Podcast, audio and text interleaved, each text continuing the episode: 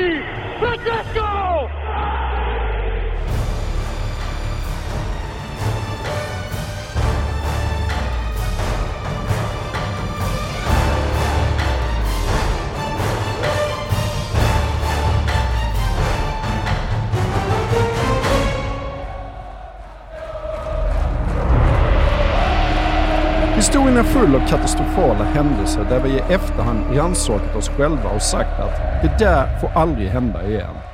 Det kan vara efter krig, mod, farsoter som vi samlar oss och bestämmer oss för att nu måste vi vidta åtgärder. Detta kan också ske genom fotbollen. När Lazio den 14 maj 2000 slog Regina hemma på Roms Olympiastadion med 3-0 och säkrade scudetton var ett sådant tillfälle. Skammen över att se fel sida av Rom vinna mästerskapet blev för mycket för den vinröda delen av stan och saker började hända. Pengar började rulla, beslut togs, målsättningar sattes. Ja, det här var ju en situation som genererade någon form av livskris för hela AS Roma, för alla som lever med klubben. Och det är nog viktigt att börja med en liten harang om Roms särställning, det som faktiskt gör Rom till en unik stad. För många städer hävdar ungefär samma sak, hävdar ungefär samma mentalitet, påstår att jo, men just vår stad betyder mer än andra och i just vår stad så är befolkningen mer övertygad om detta än på andra håll. Men i Rom så är det verkligen så. Där finns en övertygelse om att världen i grund och botten både börjar och slutar med Rom. Det som händer där är det viktigaste som finns, på många sätt det enda som finns. Och jag tror ju såklart att hela den där hållningen på något sätt grundar sig i faktumet att Rom obestridligen var Caput Mundi, alltså världens huvudstad i ja, minst ett halvt årtusende. Och under den rätt utdragna historiska perioden så blev det ju så att kulturen, tankesättet, religionen, språket och arkitekturen från Rom kom att genomsyra hela den västliga civilisationen. Och visst, drygt 1500 år har gått, men fantomsmärtorna finns kvar. Och de som forskat på detta, de menar ju att myten på något sätt blir självgenererande. Romarna är övertygade om att de är speciella. Och eftersom att de är så övertygade om sin särart, ja, då blir de i förlängningen också speciella, också annorlunda. Och en väldigt stor del av skönheten i staden, för den delen även skönheten i klubben AS Roma, kommer sig ur de här överlastade övertonerna, den fasta övertygelsen om att de är romare som på något lite diffust sätt bär vidare på traditioner som funnits ända sedan den där varghonan uppfostrade kung Romulus för sisådär 3000 år sedan. De allra flesta som bryr sig om fotboll har ju hört klubbhymnen Roma, Roma, Roma. Smörsångaren Antonelli Vendettis lite lagom ostiga klubbhymn. Och i den finns då den här nyckelfrasen du föddes stor och stor måste du förbli.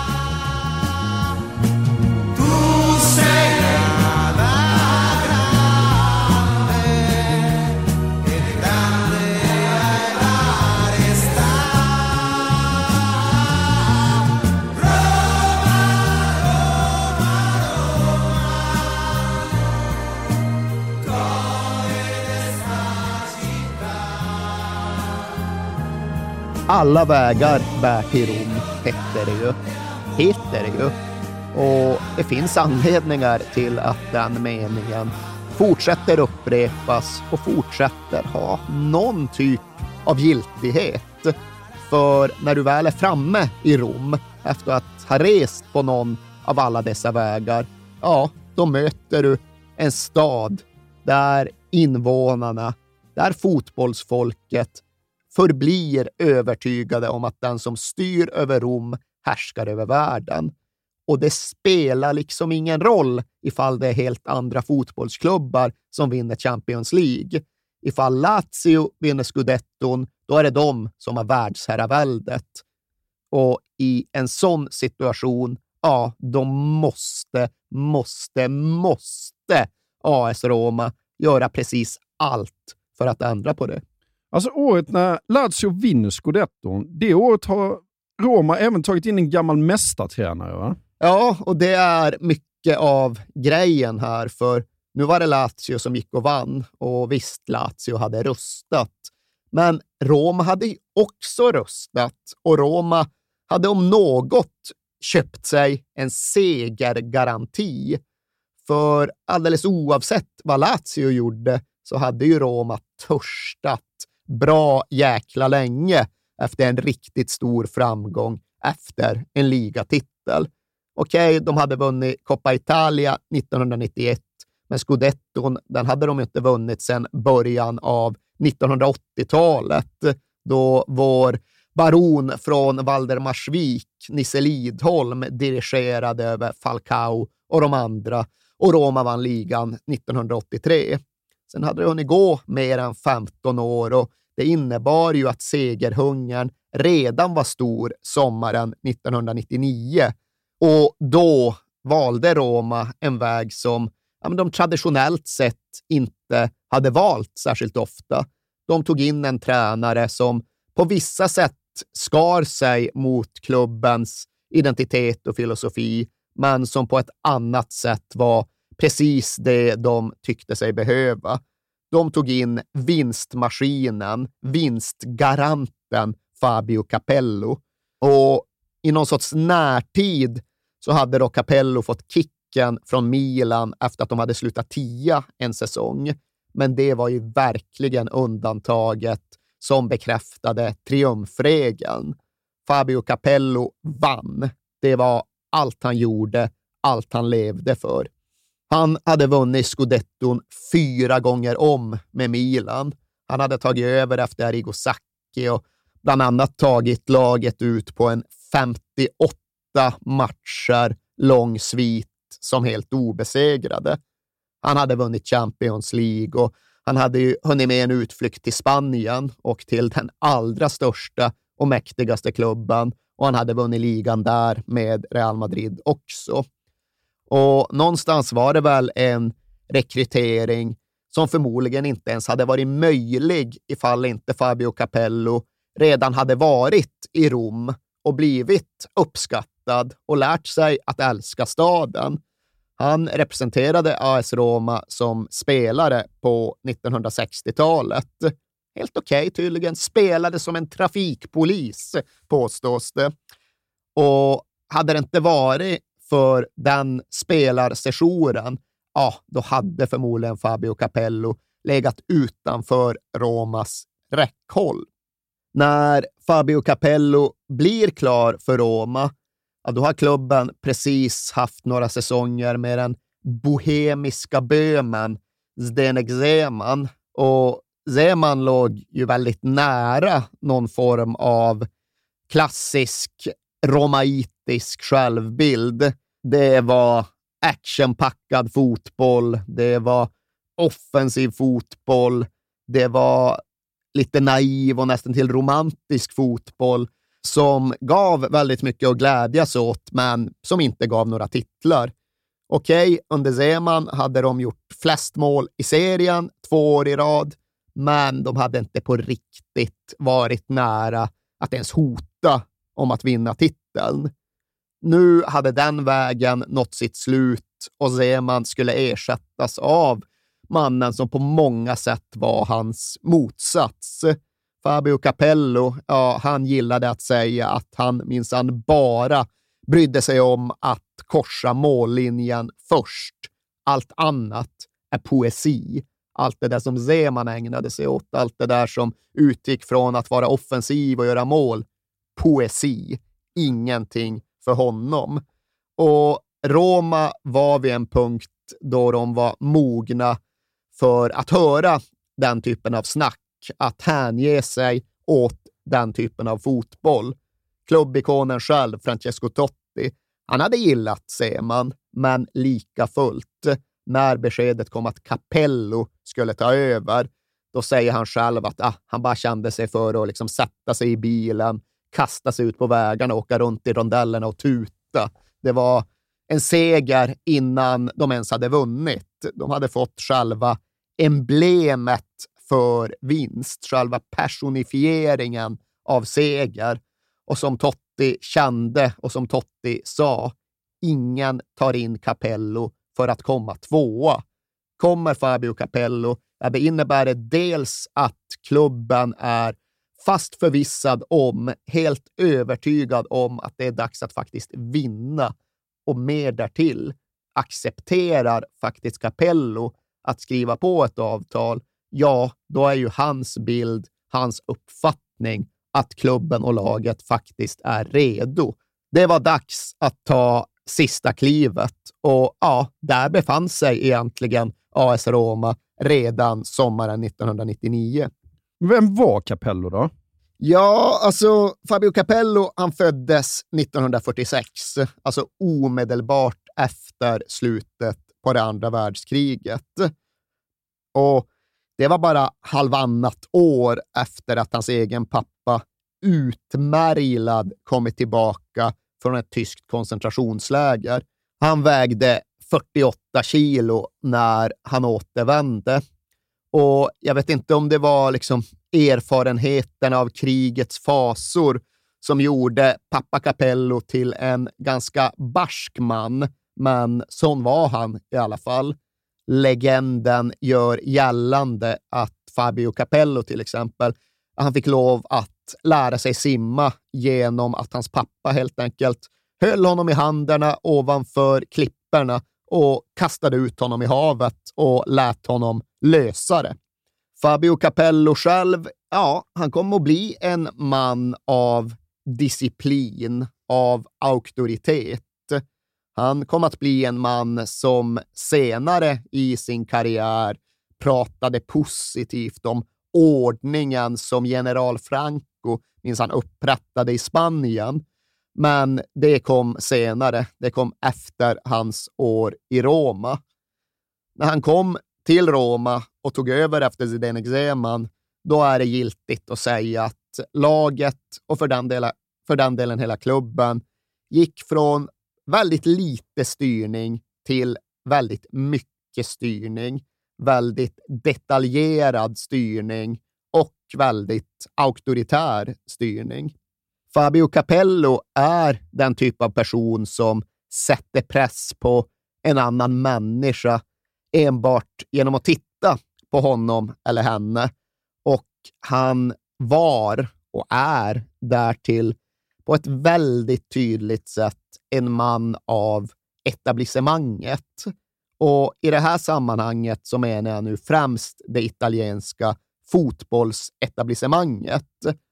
För i slutet av det förra årtusendet, 1999, då var ju AS Roma å ena sidan en klubb som var helt övertygad om att världen kretsade runt just dem, men å andra sidan även en klubb med mindervärdeskomplex som menade att de var systematiskt motarbetade av fotbollens maktcentrum där uppe i norr.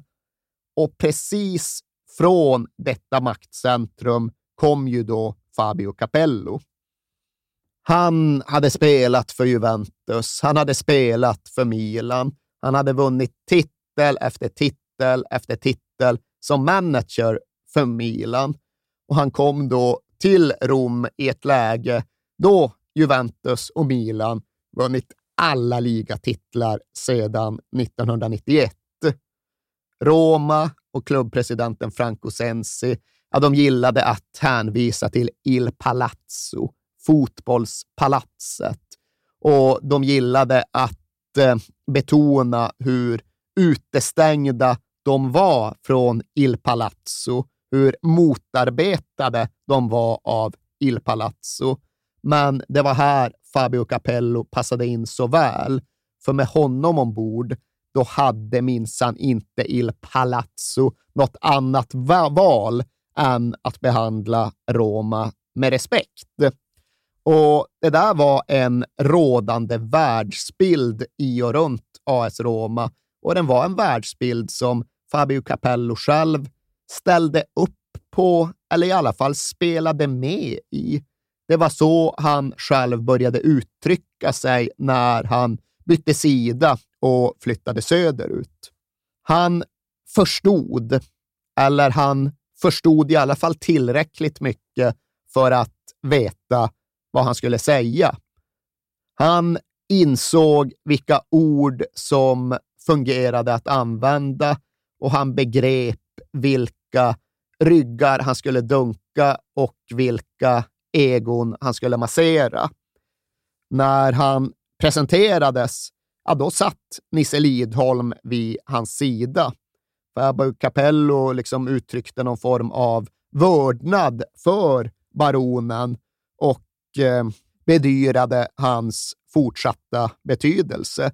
Nisse Lidholm var alltjämt en ganska aktiv kraft runt Roma och var väl formellt sett rådgivare till president Franco Sensi, men i realiteten någon form av andlig vägledare. Och vid den där första presskonferensen, ja, då sitter Capello bredvid Nisse Lidholm. Han inleder med en ganska lång harang just om hur Roma historiskt sett hade blivit felbehandlade, men att det nu minsann var dags att återupprätta den riktiga ordningen. Och sen så nickar han mot Lidholm och pratar om hur mannen till höger minsann var den senaste managern, den senaste mistern som vann scudetton till Roma. Och sen så gjorde Capello ett litet nummer av hur han minsann skulle vidröra Lidholm, peta på hans arm för att magin och lyckan skulle gnugga av sig på honom. Men därtill så tog han också ett av Lidholms mer kärnfulla citat. Det där om hur en scudetto i Rom minsann är värd tio i andra städer. Och så lovade han att utgå från det och den verkligheten. Han lovade att förhålla sig till en stad som genomlider sin fotboll snarare än njuter av den. Och han sa precis just det som alla romanisti ville höra. Och entusiasmen, förväntningarna inför säsongen 1999-00, ja, de var enorma. 5 000 fans samlades utanför träningsanläggningen kvällen då laget återsamlades efter semestern. Alltså de skulle inte träna, de skulle än mindre spela någon träningsmatch. De skulle bara återvända till bas och då möttes de av 5 000 tifosi. Manegen var ju krattad, bågen hade spänts. Roma skulle vinna titeln och det var ju även därför det blev ett så oerhört hårt slag att det istället var Lazio som gick och gjorde det.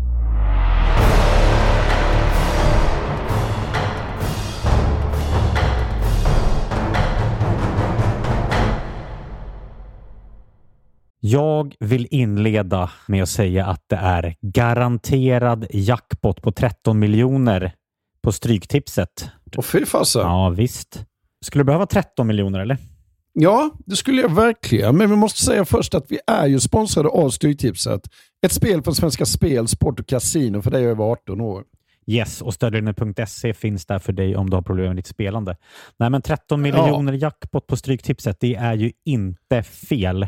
Nej, då är det faktiskt dags att ladda en rejäl rad här känns det som. Mhm. Vet du vad som inte heller är fel? Nej. Födelsedagsfirandet och alla härliga Mm. historier vi får in. Exakt, Mm. för vi är ju mitt inne i Stryktipsets 90-årsfirande som vi firar med att läsa upp fantastiska historier från våra lyssnare Yes. som skickar in dem till kings at perfectdaymedia.se. Precis, bomba på nu. Det är åtta månader kvar på det här firandet, så att, eh, vi kör nu. Mycket Stryktipshistorier vill vi ha Mm. och i dagens har vi fått från Peter som skriver så här.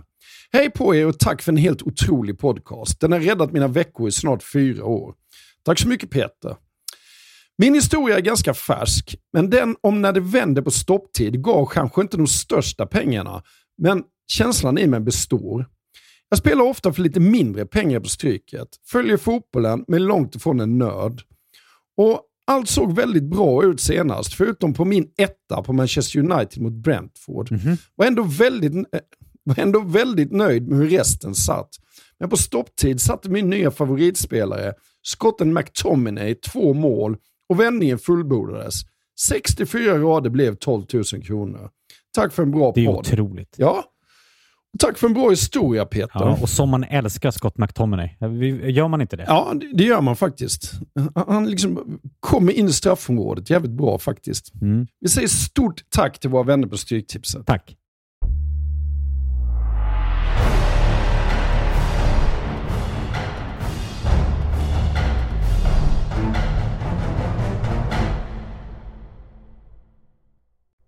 Ja, för hur gick säsongen 99-00 för Roma? Ja, den gick ju inte alls som planerat, inte alls så som förväntat. Det var inte så att de gjorde någon enorm satsning på transfermarknaden, men de tog in Hidetoshi Nakata och Vincenzo Montella, alltså två riktigt bra Serie A-spelare. Och de inledde ligan ja, men på ett riktigt spännande sätt. De vann säsongens första derby mot Lazio med 4-1 och de toppade ligan i några veckor. Fabio Capello, ja, han fortsatte att spela sin roll väl efter ett nästintill givet manus. När hans gamla Milan, som han fortfarande förknippade så väldigt starkt med, firade 100-årsjubileum, ja, då accepterade han såklart inbjudan, men han åkte ändå upp i en Roma-kostym. Och det gjorde folket runt Milan förargade, men det gjorde folket runt Roma begeistrade. Han fortsatte att prata om hur det minsann fanns en maktstruktur som innebar fördelar till storklubbarna i norr gällande allt från tv-rättigheter till sponsorskap till transfers och som Capello själv sa, givetvis även andra saker. Och de där andra sakerna, de skulle ju vara domarhjälp, domarfördelar. Och Capello antydde på gränsen till att själv bekräfta att jo, det var ju minsann sånt han själv brukade ha fördel av när han jobbade uppe i norr. Och det var sånt han nu behövde övervinna när han hade korsat maktens skiljelinje. Men ja, även om allt tycktes vara i perfekt position så hände sen det som ju brukade hända runt AS Roma. Säsongen störtade samman. Laget kollapsade. Resultaten slutade komma. Mot slutet av säsongen så lyckades inte Roma vinna en enda match, hur mycket de än försökte, hur många matcher de än spelade. Och på något sätt så togs ju det här som en bekräftelse av att de destruktiva krafterna runt klubben på något sätt var ännu starkare än Fabio Capellos vinnarvana. Ja, nu hade de tagit in Capello, men lyckades de för det? Nej, det var ju fortfarande maktcentret där uppe i norr. Det var för den delen fortfarande en klubb som hade väldigt nära till självförstörelseknappen och det blev ju svårare för Roma att fortsätta hävda det där om att alla utom Milan, Inter och Juventus var bakbundna när det var Lazio som gick och vann ligan. Det fanns liksom ingenstans kvar att ta vägen sommaren 2000, för ja, även om nu alla vägar ledde till Rom så fanns det tydligen ingen väg därifrån. Lazio vann titeln. Lazio dominerade, dikterade villkoren i stan hela sommaren lång. Roma slutade sexa, trots att de då hade gjort allt. Trots att de hade tagit in managern som skulle innebära någon form av vinstgaranti. Och vad gör man av det nederlaget? Kickar man bara Capello och försöker kasta allt över bord igen? Ja, det var inte helt uteslutet. Det var rätt många som förespråkade den varianten in i sommar 2000. Men klubben gjorde inte så, utan klubben kom istället att välja en annan väg.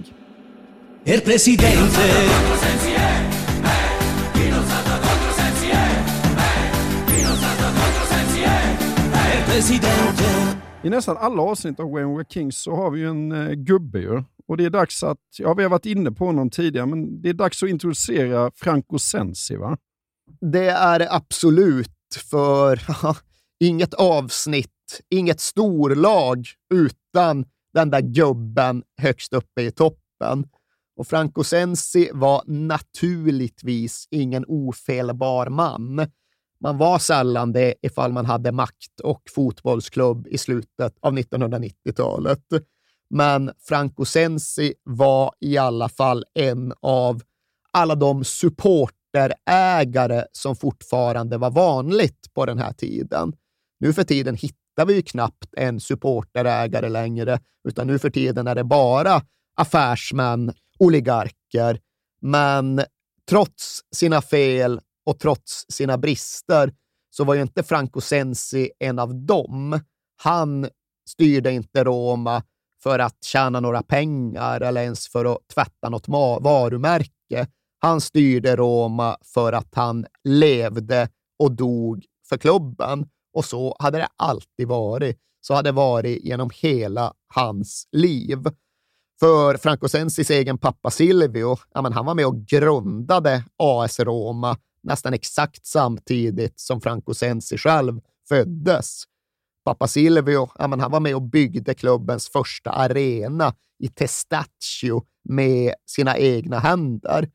Och när AS Roma vann sin allra första titel, ja, då sammanföll det såklart med lilla Franco Sensis egen tvåårsdag. Och familjen Sensi, de var så mycket romare som det någonsin går att bli.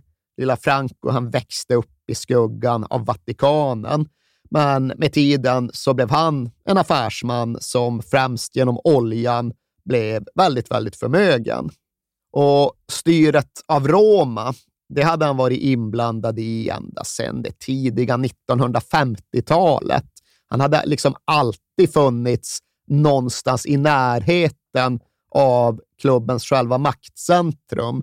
Men president hade han varit sedan 1993 och han var inte ofelbar. Han var inte omöjlig att kritisera. Men någonstans så visste ju även hans starkaste kritiker och värsta belackare att eh, de misstag han gjorde, ja, de begicks ju oftast för att han brydde sig alldeles för mycket om AS Roma snarare än att han struntade i hur det gick där nere på planen. Han var den där typen av ägare som ena dagen kunde gå ut och mullra om hur kaptenen Giuseppe Giannini minsann var ovärdig att bära tröjan för att han hade missat en straff som kostar om ett derby mot Lazio. För att nästa dag sen mer eller mindre vara beredd att på stående fot skriva livstidskontrakt med klubbikonen Giuseppe Giannini. Ingen kunde tvivla på Franco Sensis engagemang för AS Roma.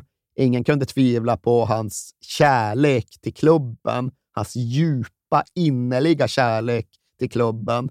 Men sommaren 2000 var han absolut ändå ifrågasatt. I Rom, eller i alla fall runt AS Roma, ja, då var han väl främst ifrågasatt för att han då hade tillåtit att Lazio vann ligan on his watch. Så kan det ju bara inte gå till. Men i övriga Italien så var han snarare ifrågasatt för att ja, men vara korrupt. Franco Sensi, han hade mullrat i årtionden om det där fotbollspalatset uppe i norr och hur motarbetad han och hans klubb var. Men det som hände i januari 2000, det var att det kom fram på ganska liksom obestridliga grunder att det minsann var Roma och Sensi som systematiskt hade givit gåvor till den italienska domarkåren. Det avslöjades med dokumentation och allt att det hade skickats en hel uppsättning Rolex-klockor år efter år och vissa var dyrare än andra, men det var ändå ett samband som inte gick att bestrida. Det var Rolex-klockor från Roma till domarna och det var ju rätt besvärande uppgifter för en klubbägare som alltid hade hamrat på om hur det var de andra klubbarna som minsann hade domarfördelar. Alltså jag måste faktiskt bryta in här. Varför kan inte domarna själva säga? Alltså det är någon som skickar Rolex-klockor till oss. Varför händer inget? Varför måste det upptäckas av undersökande journalistik? Ja, för att det var andra tider andra strukturer och andra kutymer.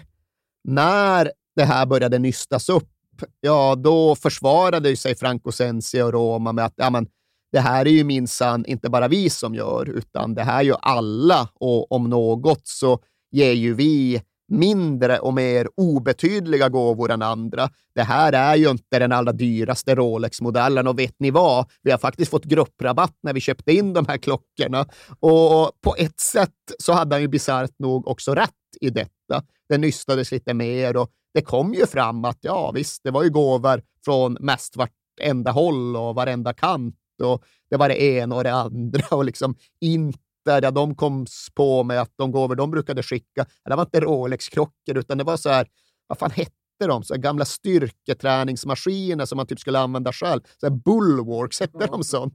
Det var de mest bizarra olika gåvorna.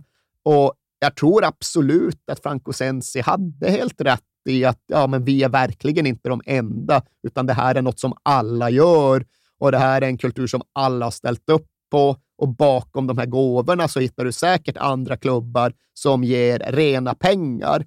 Men det var så det fungerade och det var liksom inte frågan om huruvida någon gav domarna gåvor, utan Franco Sensi försökte i alla fall göra det till en fråga om vilka gåvor som var de mest värdefulla, vilka gåvor som betydde mest, vilka gåvor som faktiskt korrumperade domarkåren. Mm. Det var inte de där Rolex-klockorna, utan det var ju tjänsterna som överhuvudtaget inte syntes.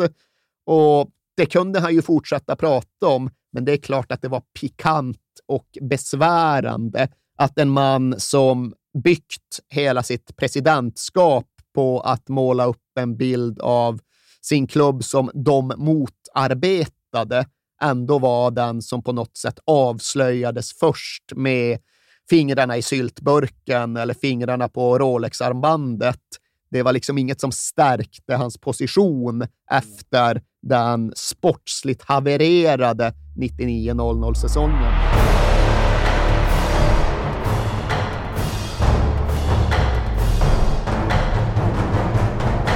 Men trots allt, här krävdes rejäl rustning, här krävdes pengar, här krävdes nya spelare. va? Ja, men de tog väl någon form av beslut ganska snabbt efter säsongsavslutningen 2000 att nej, den här gången ska vi inte bara kasta allt över bord och börja om från noll igen. Utan sen, ja, men han får reda ut röran runt sig själv. Och därefter är det inte läge att skicka sparka Capello och bryta upp hela laget, utan därefter är det läge att ge Capello de förstärkningar han vill ha för att ta ytterligare kliv framåt. Så långt ganska enkelt, men det var ju när Capellos önskelista klarnade som det blev svårt. För ja, någon ny mittback, absolut, det går att lösa.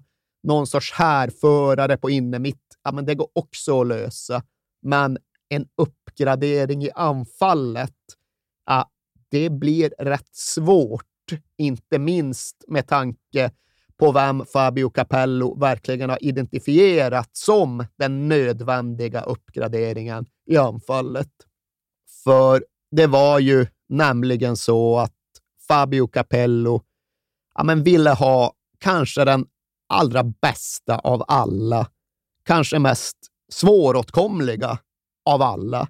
Han ville ha Gabriel Omar Battistuta från Fiorentina. Och det var inte så att inte Roma hade sniffat runt Battistuta förr, men vilken storklubb hade inte gjort det? Alla ville såklart ha Gabriel Battistuta, men alla hade även tvingats resignera inför att det var helt omöjligt att få loss honom från Fiorentina. För även om Fiorentina inte var särskilt bra, även om Battistuta på ett tydligt och uppenbart sätt var större än den klubben, så ville han inte lämna Florens och klubben ville såklart inte släppa honom. Herrejösses, han hade ju kommit att förkroppsliga hela den här klubben. Han hade stannat kvar när de åkte ner i serie B, trots att han själv tillhörde världens allra bästa anfallare. Fansen hade rest en jävla staty av honom på arenan när han fortfarande spelade för klubben. Och här, våren 2000, Ja, då hade han precis gått och blivit Fiorentinas allra främsta målskytt genom alla tider. Det verkade som att han inte skulle hinna klart innan säsongen var färdigspelad. För in i den sista matchen, ja, då låg han fortfarande två mål efter vår egen Kurre Hamrin. Men i säsongens sista match så tangerade inte bara Battistuta Kurre Hamrins målrekord, utan han gjorde hattrick, tre mål och gick förbi Hamrin som Fiorentinas allra främsta målskytt genom tiderna. Som Stefan Schwarz, hans gamla lagkompis i Fiorentina, uttryckte det när jag pratade med honom om Battistuta här om sistens. Ja, andra anfallare som är riktigt effektiva, om dem brukar man säga han får en chans och så gör han ett mål. Men om Battistuta, då brukar jag säga en chans, två mål. Så sa Stefan Schwarz. Och det låg mycket i det där.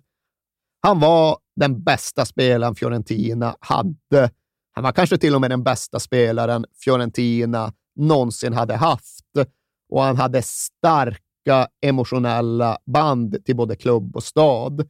Hans tre barn hade fötts och vuxit upp i Florens och han hade upprepade gånger pratat om hur han numera såg det som sitt hem. Men med allt detta sagt så var det kanske ändå det här som skulle bli den sista sommaren i Florens för Battistuta. Han var 31 år gammal nu och han ville desperat gärna uppnå mer, vinna mer och vinna större. Och det hade någonstans nästan skurit sig mellan honom och Fiorentina-presidenten Cecigori.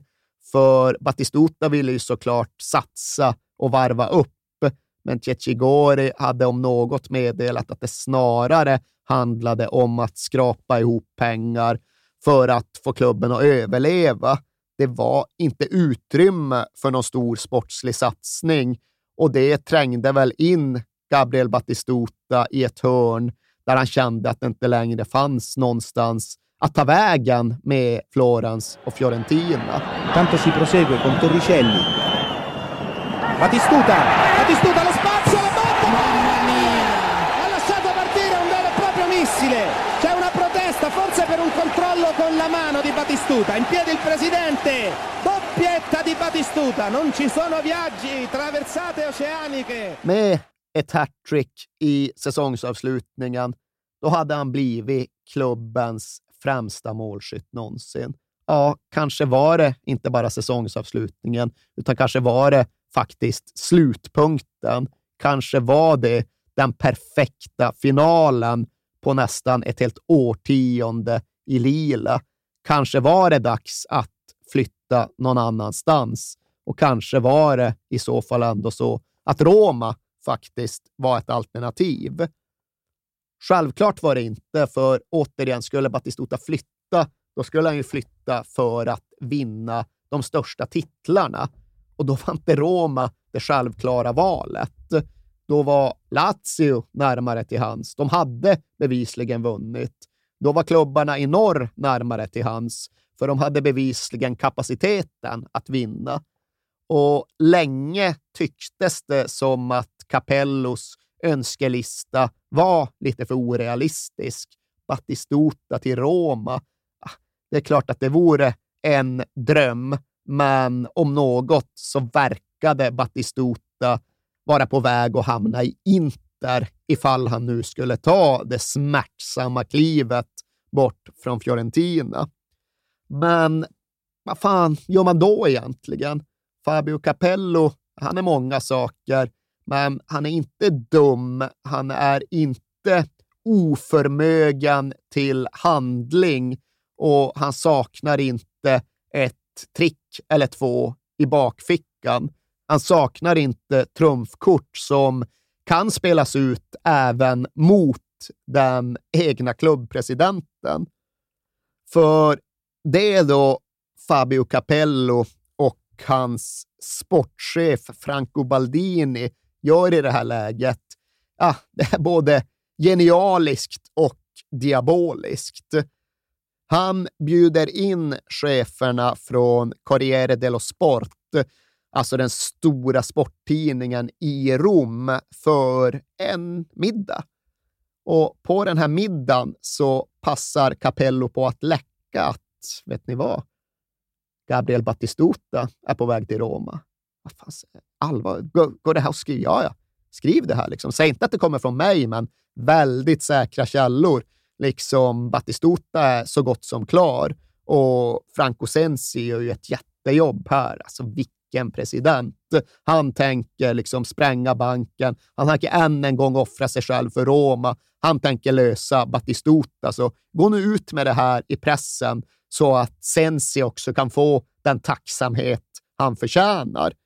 Och det var ju inte så att Corriere dello Sport-folket var sena att haka på här, för de hade paradoxalt nog fått ett litet problem efter Lazios titel. Visst, de sålde tidningar som satan i den ljusblå halvan av stan. Men samtidigt dök ju försäljningen totalt för ingen som brydde sig om Roma pallade att köpa tidningen för att frossa i Lazios triumf. Så nästan alla som engagerade sig i Roma hade slutat köpa tidningen. De hade jättelåga försäljningssiffror, så de behövde ju någonting för att entusiasmera den delen av läsekretsen igen. Så de smällde ju naturligtvis på som satan. Battistuta till Roma, Franco Sensi, greja biffen. Vilken president! Och Sensi förstod till en början ingenting. Liksom. Han gick ju liksom, vart han är, folk applåderade och folk jublade när han gick ner för gatan. Bara, president president, vilken kung! Men som sagt, Franco Sensi, ja, han hade varit där och trevat runt Fiorentina. Han hade snackat med Cecigori, men han insåg att den där övergången var ju helt orealistisk. Även om Battistuta var på glid så skulle han behöva bjuda över Inter ganska kraftigt för att locka till sig Battistuta. Och så Battistuta 31 år gammal med stora skadeproblem. Det funkar ju inte att för en redan ekonomiskt ganska pressad klubb hosta upp ja, men 350 miljoner kronor det var liksom inte ekonomiskt rimligt överhuvudtaget. Som sagt, det här är 20 år sedan. 350 miljoner kronor var enorma mm. transferpengar. Men samtidigt så var han ju verkligen uppressad mot repen i en återvändsgränd som det var väldigt svårt att se hur han skulle ta sig ur. Roma hade därtill precis börsnoterats och det innebar också det innebar både ett visst ekonomiskt manöverutrymme, men också en viss ekonomisk sårbarhet. Han var utlämnad till den folkliga entusiasmen. Och så länge Battistuta verkade vara på väg, ja, då var den folkliga entusiasmen skyhög. Och skulle det nu visa sig bli så att äh, Franco Sensi höll inte vad som lovats. Franco Sensi lyckades inte lösa den här övergången så var så gott som klar, ja, då skulle han förmodligen falla som president. Så han hade helt enkelt inga val, inga alternativ. Han fick betala så jävla mycket som det nu kostade att få loss Gabriel Battistuta. Det innebar ju ett stort världsrekord för en spelare över 30 hade aldrig ens varit i närheten av att köpas en så gammal spelare för så, så stora pengar. Mm. Och då väger vi inte ens in att Batistutas skadesituation såg väldigt problematisk mm. ut. Och det var inte så att det sen gick två år och sen slogs det där rekordet. Det världsrekordet stod sig i ja, mer än 15 år. Jag måste fråga dig en annan grej. Med tanke på att du är en stor skrivande journalist. Och jag, jag har aldrig frågat dig, men har det hänt att sådana här makthavare i fotbollen vill få ut grejer eller hört av sig till dig på det här sättet? Ja, både ja och nej. Dels är inte min verklighet jämförbar, men framför allt så blev det ganska tidigt uppenbart för alla berörda att jag egentligen inte befattar mig med transfermarknaden. Mm. Jag sysslar ju inte med att försöka avslöja övergångar, så de gånger det har hänt, och det har absolut hänt att agenter har hört av sig och meddelat att spelare X är på väg till klubb Y och sådär, mm. så har jag bara skickat vidare de tipsen för att jag mm. tog tidigt just någon form av beslut att äh, men, transfermarknadens rävspel och falskspel intresserar inte mig. Mm. Det finns ju andra som specialiserar sig på den delen av fotbollsjournalistiken och de behöver nog hantera den här typen av situationer mest hela tiden. Men det är väldigt svårt att säga vad som är rätt och fel och vilken information som man ska använda sig av och vilken information man bara ska förkasta och när man faktiskt avslöjar något och när man bara blir utnyttjad. Det är inga självklara gränsdragningar. Nej, undrar vad han på Corriere dello Sport tänkte när han fick reda på sanningen, att det inte fanns någon sanning i det här och att han bara var ett verktyg liksom i vårt spel. Nej, det är ju väldigt verkligen svårt att göra den typen av avvägningar. Och det är ju också svårt att hävda att det någonstans är journalisten som sitter på makten här, utan det är klart att journalisten blir manipulerad och det är klart att det blir problematiskt. Men jag tror väl någonstans att just när det kommer till transfermarknaden, Mercato-journalistiken, då blir det på något sätt ett eget ekosystem med egna regler. Jag tror att sett en silly season-journalist inför någon eh, liksom, debatt på pressklubben med olika liksom, medieetiker så kommer han eller hon ha jävligt svårt att försvara sina metoder hela vägen in i skranket. Men för oss som är i alla fall lite närmare det hela så tror jag att vi ja, men på något sätt faktiskt tuggar i oss att det är något av en låtsasvärld där andra spelregler gäller. Ja, men alltså jag tycker det är fruktansvärt underhållande att läsa den här typen av journalistik. Och alla är ju helt ärliga med att det här får man ta med en stor nypa salt. Nu snackas det om detta, det är ju ändå roligt att läsa, för det är ju kittlande hela tiden tycker jag. Ja, det är det. Och det som är liksom lite svårt att förhålla sig till när man anför det här som jag gör, att ja, men det är på något sätt ett tivoli där det är lite låtsasregler som gäller. Eh, det är ju det att, ja, visst, så kan man väl prata ifall Stefan Andreasson i Älvsborg håller på att värva någon kille från Gislaved för 700 000 och en traktor. Men när man sen pratar om miljardaffärer och börsnoterade företag och liksom kurser som dyker och stiger, ja, då, då blir det nästan så att man i själva verket närmar sig någon typ av industrispionage och då blir det svårare att hålla ihop det resonemanget. Men allt det här bidrar ju såklart till att jag personligen har valt att hålla mig utanför, för det är för svårt att manövrera rätt rent yrkesetiskt för att jag ska klara av det. Men de köper ju Batistuta jag måste ju personligen säga att fy fan vilken fruktansvärt bra anfallare han var. Han är helt klart på bänken i mitt världslag. Alltså, hur många har du på bänken egentligen? Ja, men alltså gammal Ronaldo Batistuta sitter där och sen Romario från Basten är ju anfallet. Och, och sen om jag inte vill ha tremannaanfall då? Nej, men Batistuta, otrolig anfallare, komplett anfallare. Väldigt enkelt att förstå varför Capello tyckte att det var precis den uppgraderingen som krävdes. Och väldigt lätt att förstå att det någonstans räckte för att återskapa entusiasmen i de röda delarna av Rom. Det var bara nio dagar mellan det att Lazio vann titeln och det att Gabriel Battistuta presenterades. Och vad kan det ha gått innan Capello manipulerade pressen? Ja, men kanske fyra dagar. Mm. Så den här liksom djupa livskrisen som Roma befann sig i efter Lazios titel, den varade ju under väldigt kort tid. Sen började det surra i pressen och sen var Battistuta faktiskt klar och sen kom 18 000 bara för att säga hej till honom när han först presenterades och sen kunde Fabio Capello börja prata om liksom övergången som förändrade våra liv. Ja, förändrade utseendet på prisskåpet hos Roma. Men ja, på ett sätt var det självklart att det skulle bli så här, men på ett annat sätt var det verkligen inte givet. För återigen, ekonomiskt framstod det som en vansinnig värvning. 31 år gammal och fysiskt nedsliten. Hade liksom Roma gjort den här värvningen på vanliga premisser, ja, då hade det dragits i flera nödbromsar. Först såklart den ekonomiska, men sen hade även läkarteamet dragit i bromsen och sagt att äh, ska ni ta in den här killen så får det lov att vara på någon typ av fri transfer för vidareförsäljningsvärdet kommer vara noll. Möjligheten att spela ut kontraktet i fullo kommer i praktiken vara noll, för de här knäna är ju ja, men kroniskt inflammerade. Ska han spela fotboll så kommer vi behöva ägna i stort sett ja, men varenda vardag åt att sticka nålar i knäna och tömma dem på vätska, för att det här kommer inte att fungera särskilt länge.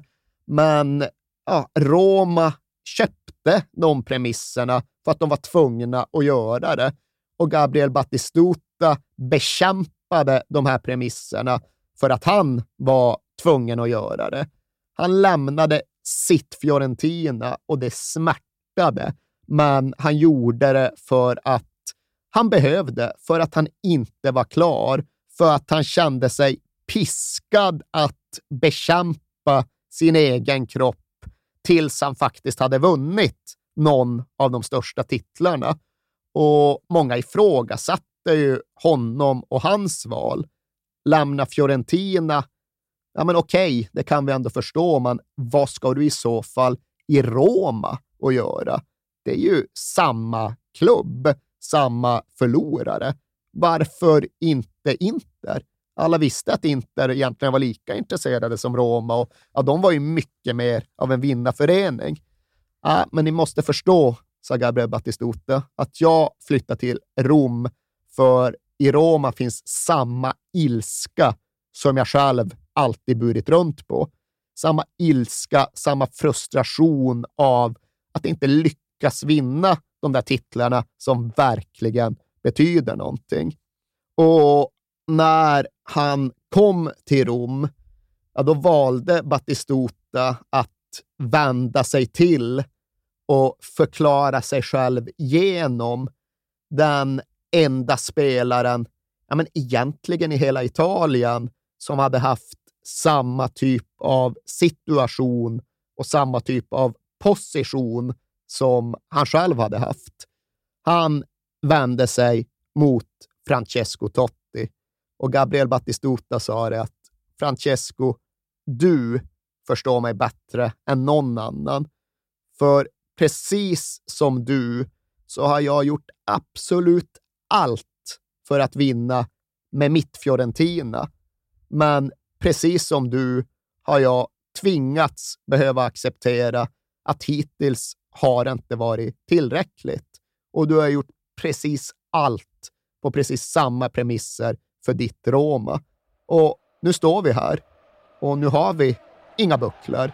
Men nu måste vi slå ihop våra ansträngningar och våra krafter för att faktiskt lyckas med det här.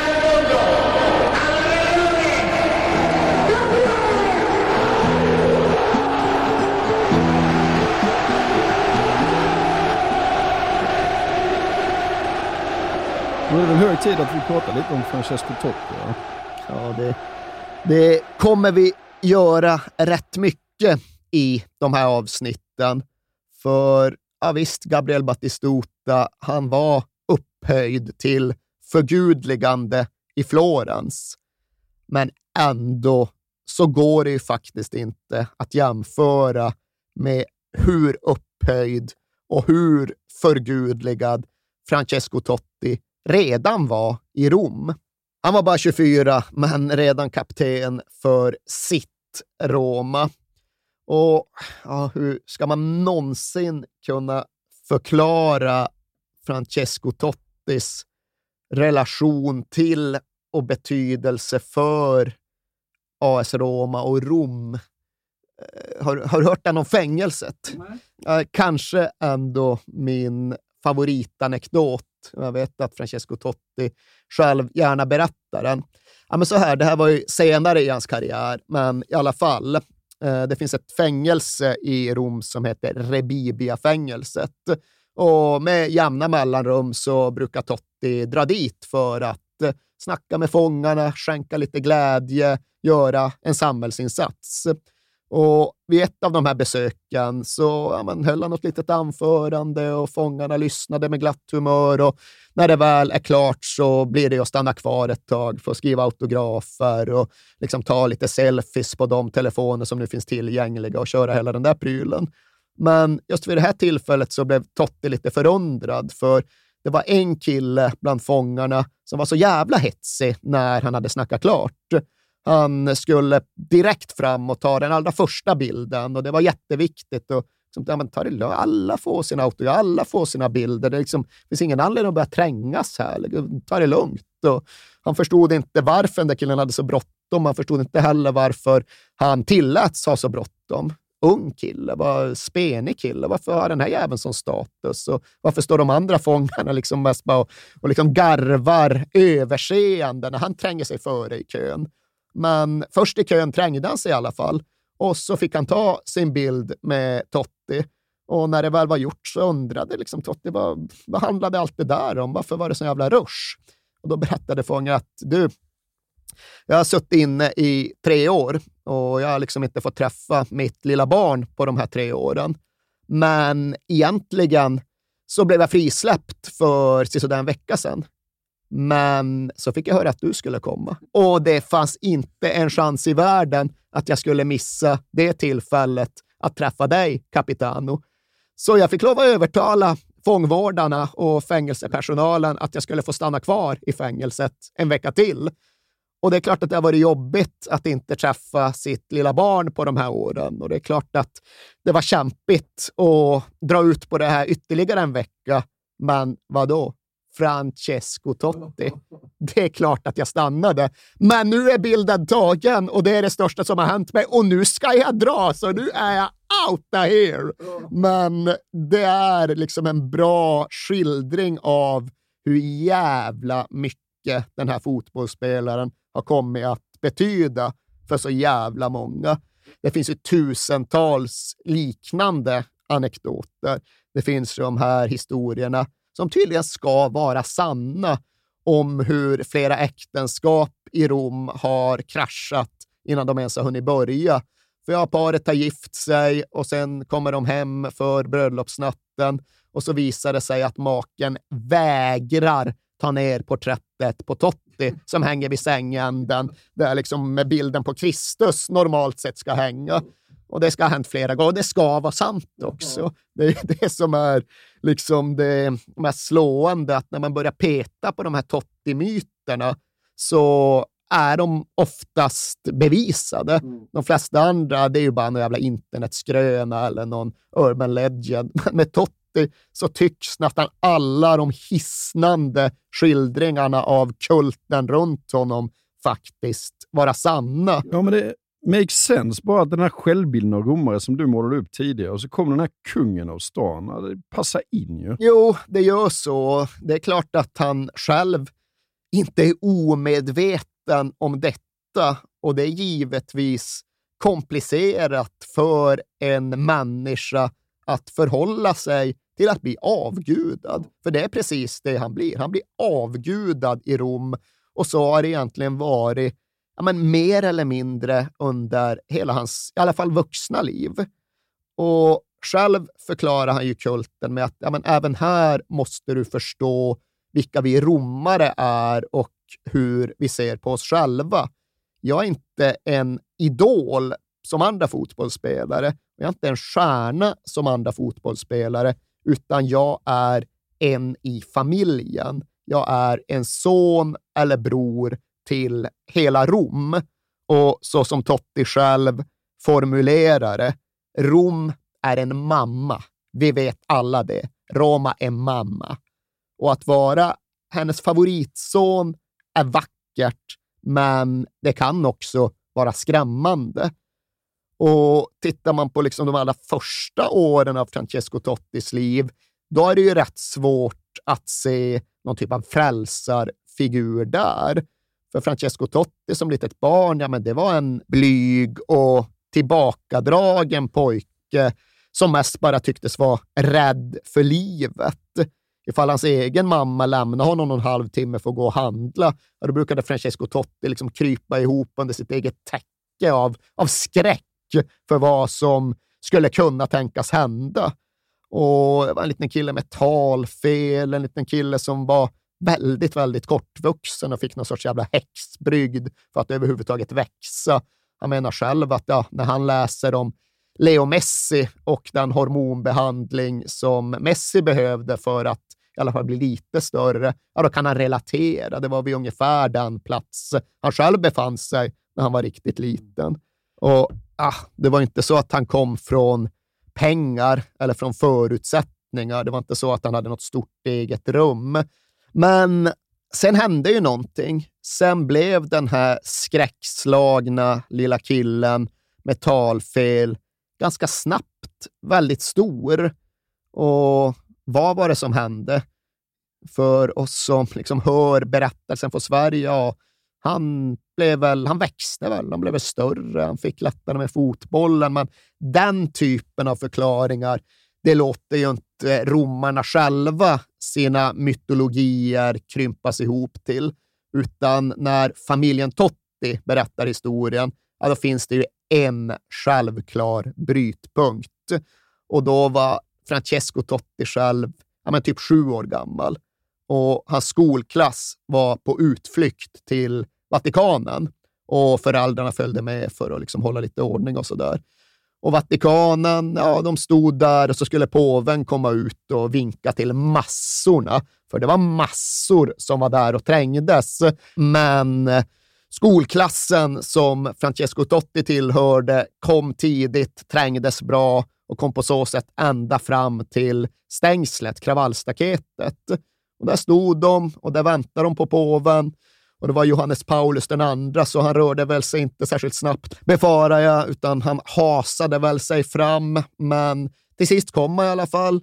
Och till sist så liksom vinkade han sin trötta vinkning till åhörarskarorna och så skred han långsamt förbi då, alla som samlats för att hälsa på honom. Och han sträckte ut sin hand och han vidrörde några och de blev ju alldeles till sig, men han fortsatte i så rask takt som han nu förmådde för att klara av hela folkhorden. Men så kom han fram till den här skolklassen och så vidrörde han ju bland annat då den lilla blonda Francesco Totti. Men så fortsatte han längs med kravallstaketet tills han plötsligt stannade och liksom fick någon form av ingivelse tycktes det.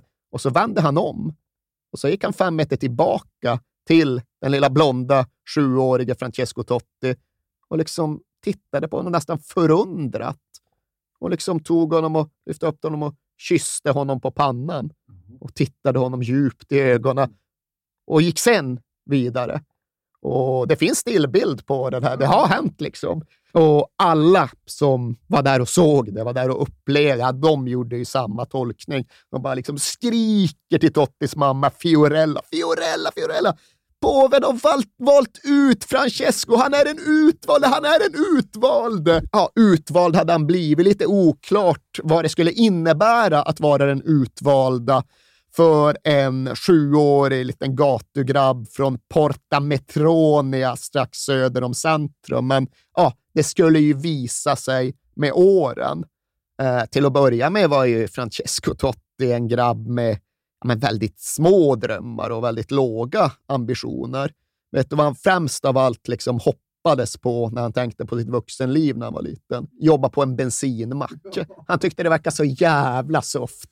Glida runt där, liksom lösa brallor med lite oljefläckar på och så en sedelklämma i fickan. Det tyckte Totti att liksom, bättre än så blir det inte. Och ja, men Porta Metronia, där han kom ifrån, det var ingen rik del av stan. Det var ju nära Roms själva hjärta. Du promenerar från Via Vetulonia, där familjen Totti bodde, till Colosseum på ja, max en kvart. Men det var enkla familjer som bodde där. Det var inte utvalda familjer som bodde där.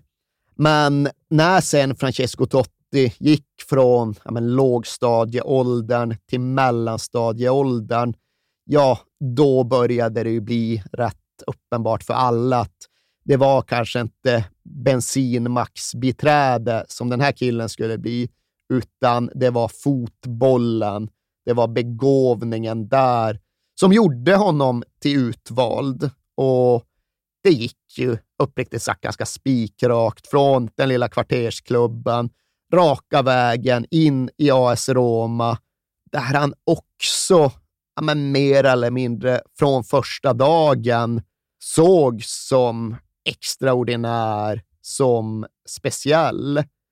När den gamla klubbpresidenten Dino Viola, alltså presidenten före Franco Sensi, gick bort då bestämde klubben att Francesco Totti, som väl då kanske var 15, skulle vara en av kistbärarna för att på något sätt den gamla klubbpresidenten skulle föras till vilan av Romas själva framtid.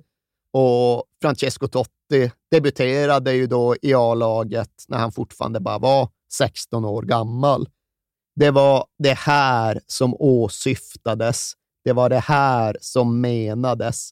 Det var på det här sättet han var den utvalda. Det var fotbollen som skulle föra Francesco Totti Totti till okända höjder och det var genom fotbollen han skulle ta en hel halv stad med sig. Och nu är vi som bekant framme vid sommaren 2001 och Francesco Totti är kapten för Roma. Men han är alltjämt bara 24 år gammal och han bor fortfarande hemma hos mamma och pappa på Via Vetulonia i Porta Metronia.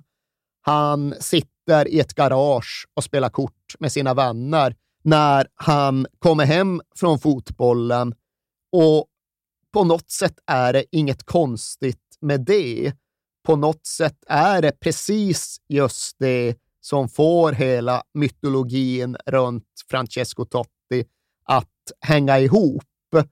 För anledningen till att han kunde bli så ofattbart stor i Rom, det är väl just det här med att han var, han är en ikon som på samma gång klarar av att rymma alla Roms motsägelser, som kan bära alla stadens klichéer. Han, liksom, han är gudalik erövrad av fotbollsvärlden och mammas lilla kille från kvarteret på en och samma gång. Han är både rackarunge och numera familjefar. Han är kanske lite trögfattad, men han är samtidigt extremt kvicktänkt på samma gång. Och det är väl så där som man brukar säga, men ännu mycket mer den här gången med den här grabben. Francesco Totti, ja, men, han spelade inte för Roma. Francesco Totti, han var Roma. 44-28, e palla con colpo di testa di Marco Del Vecchio, pallone per Francesco Totti, gestisce un bel pallone, intanto c'è Dimitri, sulla loro posizione, il tocco proprio per Dimitri, Dimitri in area di rigore, due uomini su di lui, c'è Lombardo, Dimitri, Dimitri, Dimitri, tiro di calcio, la palla uscita, tiro, go, go, go, go,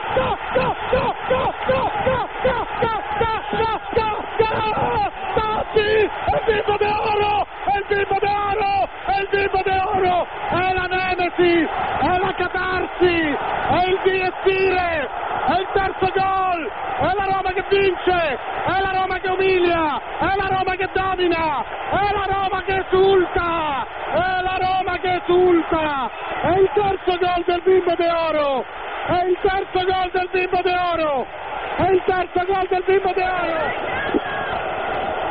Onore! E gloria a te capitano, grande uomo e straordinario calciatore. Popolo giallo-rosso alza di piedi ed esulta al terzo gol della Roma.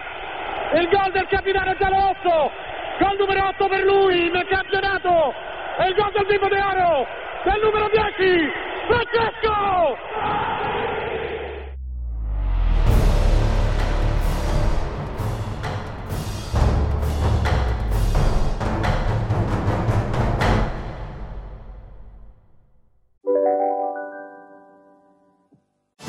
Och välkomna tillbaka till Sibylla där sportbörjaren nu laddar för mål. Otroligt taggad och toppat formen med stekt lök och dubbel cheddarost.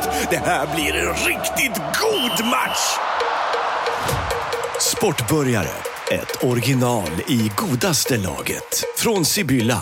Välkommen till Unionen. Jo, jag undrar hur många semesterdagar jag har som projektanställd och vad gör jag om jag inte får något semestertillägg? Påverkar det inkomstförsäkringen? För jag har blivit varslad, till skillnad från min kollega som ofta kör härskarteknik på möten och dessutom har högre lön trots samma tjänst. Vad gör jag nu? Okej, vi tar det från början. Jobbigt på jobbet. Som medlem i Unionen kan du alltid prata med våra rådgivare. Om en sous på väg till dig för att du hörde en kollega prata om det och du råkade ljuga om att du också hade en och att den var så himla bra att maten blev så otroligt god och innan du visste ordet av hade du bjudit hem kollegan på middag nästa helg för att du sålt in din lågtempererade stek så bra att du var tvungen att beställa en på nätet fort som attan. Och ja! Då finns det i alla fall flera smarta sätt att beställa hem din sous vide på. Som till våra paketboxar, placerade på en plats nära dig och tillgängliga dygnet runt. Hälsningar Postnord. Okej Erik, dags för min favoritpunkt. Gå igenom laget. Jo, det ska jag berätta. För det är mycket riktigt så att Capello har fått lov att förstärka den genom att handplocka ja, med sina drömvärvningar. Samtidigt är det också så att ifall vi nu drar igenom trupp och lag som vi brukar, bakifrån så inleder vi med den kanske allra svagaste länken. För i mål för Roma stod Francesco Antonioli, en norditalienare från Lombardiet. Och han hade varit Italiens andra målvakt i EM 2000, men fick ändå lov att betraktas som ett osäkert kort, en svag länk. Roma skulle behöva vinna matcher och titta titlar trots Antonioli, lika mycket som de gjorde det tack vare Antonioli. Det var misstanken för 20 år sedan. Det förblir faktiskt sanningen även idag. Men framför Antonioli såg det sen egentligen bara starkare och starkare ut ju längre framåt i planen vi kommer.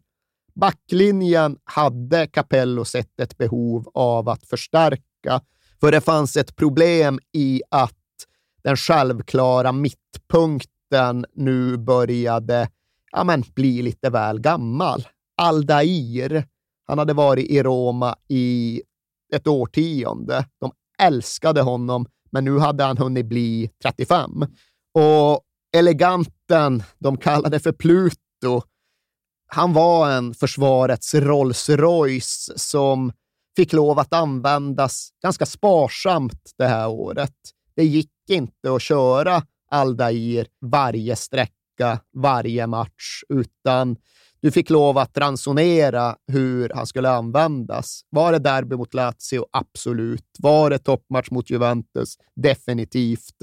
Men så värst mycket mer än så skulle de inte få ut av honom.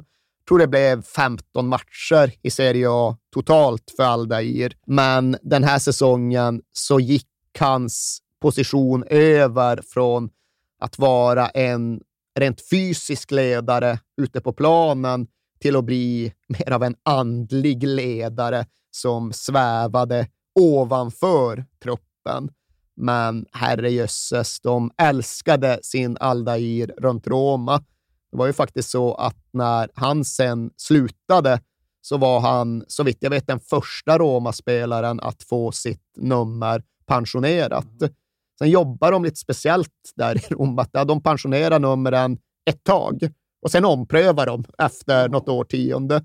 Så när Kevin Stråtman, den holländska mittfältaren, kom och prompt ville ha Aldairs gamla tröja, då var Aldair rätt soft med det. Ja, ja, vad fan. Det, det är dags att börja använda det där numret igen, så låt grabben köra. Men Aldair, ja, han fanns där, men det var inte längre någon allvädersspelare. Den vanliga Serie A-omgången när det var Bologna eller Brescia på söndagen, då fick backlinjen lov att se annorlunda ut. Och det var det här Fabio Capello hade tagit höjd för när han såg till att plocka in först och främst Walter Samuel, en argentinsk jävla mur från Boca Juniors. Otroligt stark i luften och ganska snabbt också någon sorts personlig polis för Francesco Totti. Och bredvid honom hade även Capello kompletterat med en annan mittback av lite annorlunda typ. För där har vi då Jonathan Zebina in i truppen. Och om Walter Samuels största spets var hans otroliga huvudspel, då var väl Zebinas främsta egenskap att han var snabb som satan. Sen var inte han en lika bra mittback som Walter Samuel. Han var inte en lika uppskattad mittback som Walter Samuel, utan han var lite misstagsbenägen och det fanns liksom en anklagelse om att han fick spela lite mer än han borde eftersom att han var Capellos favorit och liksom det var Capello som hade investerat förtroende för att hämta in honom. Men helt okej, okay, alltså bra mittback, passade väl in i laget, även om han kanske inte riktigt passade in i gänget. För Sebina tillhör då de här fotbollsspelarna som har blivit omskriven för att han inte var som andra fotbollsspelare. Han var ju något av en snobb, alltså en dandy mm. som gled runt och var sprättig. Mm. Och Rom är ju en stad som värdesätter skönhet, men även i en sån fotbollsstad stack Sebena ut med liksom sitt konstintresse och sina upphöjda ögonbryn. Han kom även att öppna något konstgalleri efter karriären, men ifall han hade moralisk rätt att göra det, det får ni fan fråga Simon Bank om istället, för det har jag ingen aning om. Men eh, han var nyttig och värdefull och ingick normalt sett i den trebackslinje som Capello då utgick ifrån och som även inkluderade brassen Zago. En ja, men klassisk brasiliansk mittback på så sätt att han både kunde spela hårt och smutsigt, men samtidigt även kunde behandla en boll och se rätt jävla elegant ut. I Roma så hade han vunnit i status på att spotta mot en motståndare. Och det brukar man inte göra. Liksom spotta på någon annan, det tycker alla är vidrigt och förkastligt. Även de som håller på just det laget. Men det Zago hade gjort hade varit att han hade spottat på Diego Simeone i ett derby. Och då är det okej. Okay. Då är det mer än okej. Okay. Då blir du upphöjd därefter. Och som sagt, tre mittbackar och två wingbacks som vi numera känner dem. Två Zagueiros som bland annat Cafu då kände sin position. Och det är klart att där hittar du en av lagets absoluta styrkor. Cafu var ju inte bara en bra högerback eller en bra höger wingback, utan Cafu var ju bäst. Ja. Cafu var bäst i världen. Och det är lite märkligt att eh, konstatera att han ju faktiskt misslyckades i Real Zaragoza när han först flyttade till Europa. Men det innebar då att Roma kunde göra ett jättekap när de plockade in honom efter att han hade varit tillbaka i Palmeiras och studsat. Och alla vet ju att Cafu, han kunde minsann täcka en hel korridor innan det var på modet att täcka hela korridorer. Och han fick ju heta Il Pendolino i Italien. Han var pendeltåget mm. som tuffade upp och ner och aldrig missade en station. Men jag vet inte fan om han någon annan gång tyckte det var så roligt med fotboll som han gjorde i Capellos Roma. För många andra, de fick kanske lite strikta defensiva tyglar och uppgifter. Men Cafu släpptes ju fri. Han var inte en högerback i ett brasilianskt 4-4-2 med diamant, utan han var Zagueiro, han var wingback, han var offensiv i sin uttolkning av rollen. Och det var ju ofta så att han låg i linje med Batistuta allra längst fram i planen. Och Totti älskade såklart Cafu, men han hade en frustration och det var att han ofta skenade iväg så snabbt längs kanten att när väl Totti hade möjlighet att släppa iväg bollen, ja, då var Cafu redan offside. Han hade dragit iväg på ett sätt som innebar att han redan var bakom motståndarnas backlinje. Jag gillar också att alla beskriver honom som världens mest underbara människa också. Alltid så glad och trevlig och positiv. Och ja. ja, nej, där vilar inga ledsamheter. Eh, en brasse, men inte på liksom det här struliga Romario-sättet, mm. utan Cafu var ju en man som tolkade sin tro på ett annat sätt och liksom var gudfruktig men glad, mm. kändes det som. Och ja, han var ju bäst i ligan som ytterback, wingback, men till vänster var fransmannen Vincent Candela inte så där jävla långt efter. Inte riktigt samma liksom, fysiska kapacitet och bara pumpa på längs kanten. Men trots allt gammal rugbyspelare, van att vinna mark och därtill ja, men en wingback med fötter som en nummer tio. Han gjorde mycket med bollen och han gjorde en del otroliga mål, inte minst den här säsongen. Han gjorde bland annat ett mål mot Bari där han liksom ja, men, tar bollen, jonglerar fram den två touch och drar sen iväg en volley i krysset med sin tredje touch. Mm. Så spektakulär på många sätt, bra på alla sätt. Och där har vi då tre mittbackar, två wingbacks, toppklass i allt väsentligt. Men på centralt mittfält, två lite mer sittande spelare. Även där kände Capello att det behövdes en uppgradering. Och det han egentligen ville, det han gång på gång hade försökt med, det var att få in Clarence Seedorf, hans liksom önskespelare från både Milan och Real Madrid. Han skulle ju då bli den där killen på innermittfält som både kunde täcka ytor, vinna boll, men sen även behandla bollen och skapa någonting. Men det gick inte. Det var omöjligt att få loss Sedorf. Så istället blev det Emerson. Och det var, ingen, det var inget dåligt andrahandsalternativ, för Emerson hade ju precis det där som Sedorf också hade. Han kunde täcka ytor, han kunde vinna boll, men han kunde även passa bollen, både kort och långt. Han kunde bryta linjer, han kunde dribbla och gå förbi motståndare. Han kunde bli just den där kompletta mittfältaren som Capello ville hitta. Men det blev ju inte riktigt så för Emerson, för han hade knappt hunnit komma till Roma från Bayer Leverkusen innan han drog korsbandet på vad jag tror var det allra första träningspasset. Och där fick ju Roma räkna bort Emerson. Där fick Emerson kassera i stort sett hela sin första säsong. Och det var givetvis ett jättehårt slag för alla. Men Emerson själv har ofta berättat om hur han ändå muntrades upp, hur han gaskade upp sig efter att han hade närvarat vid någon av försäsongsmatcherna.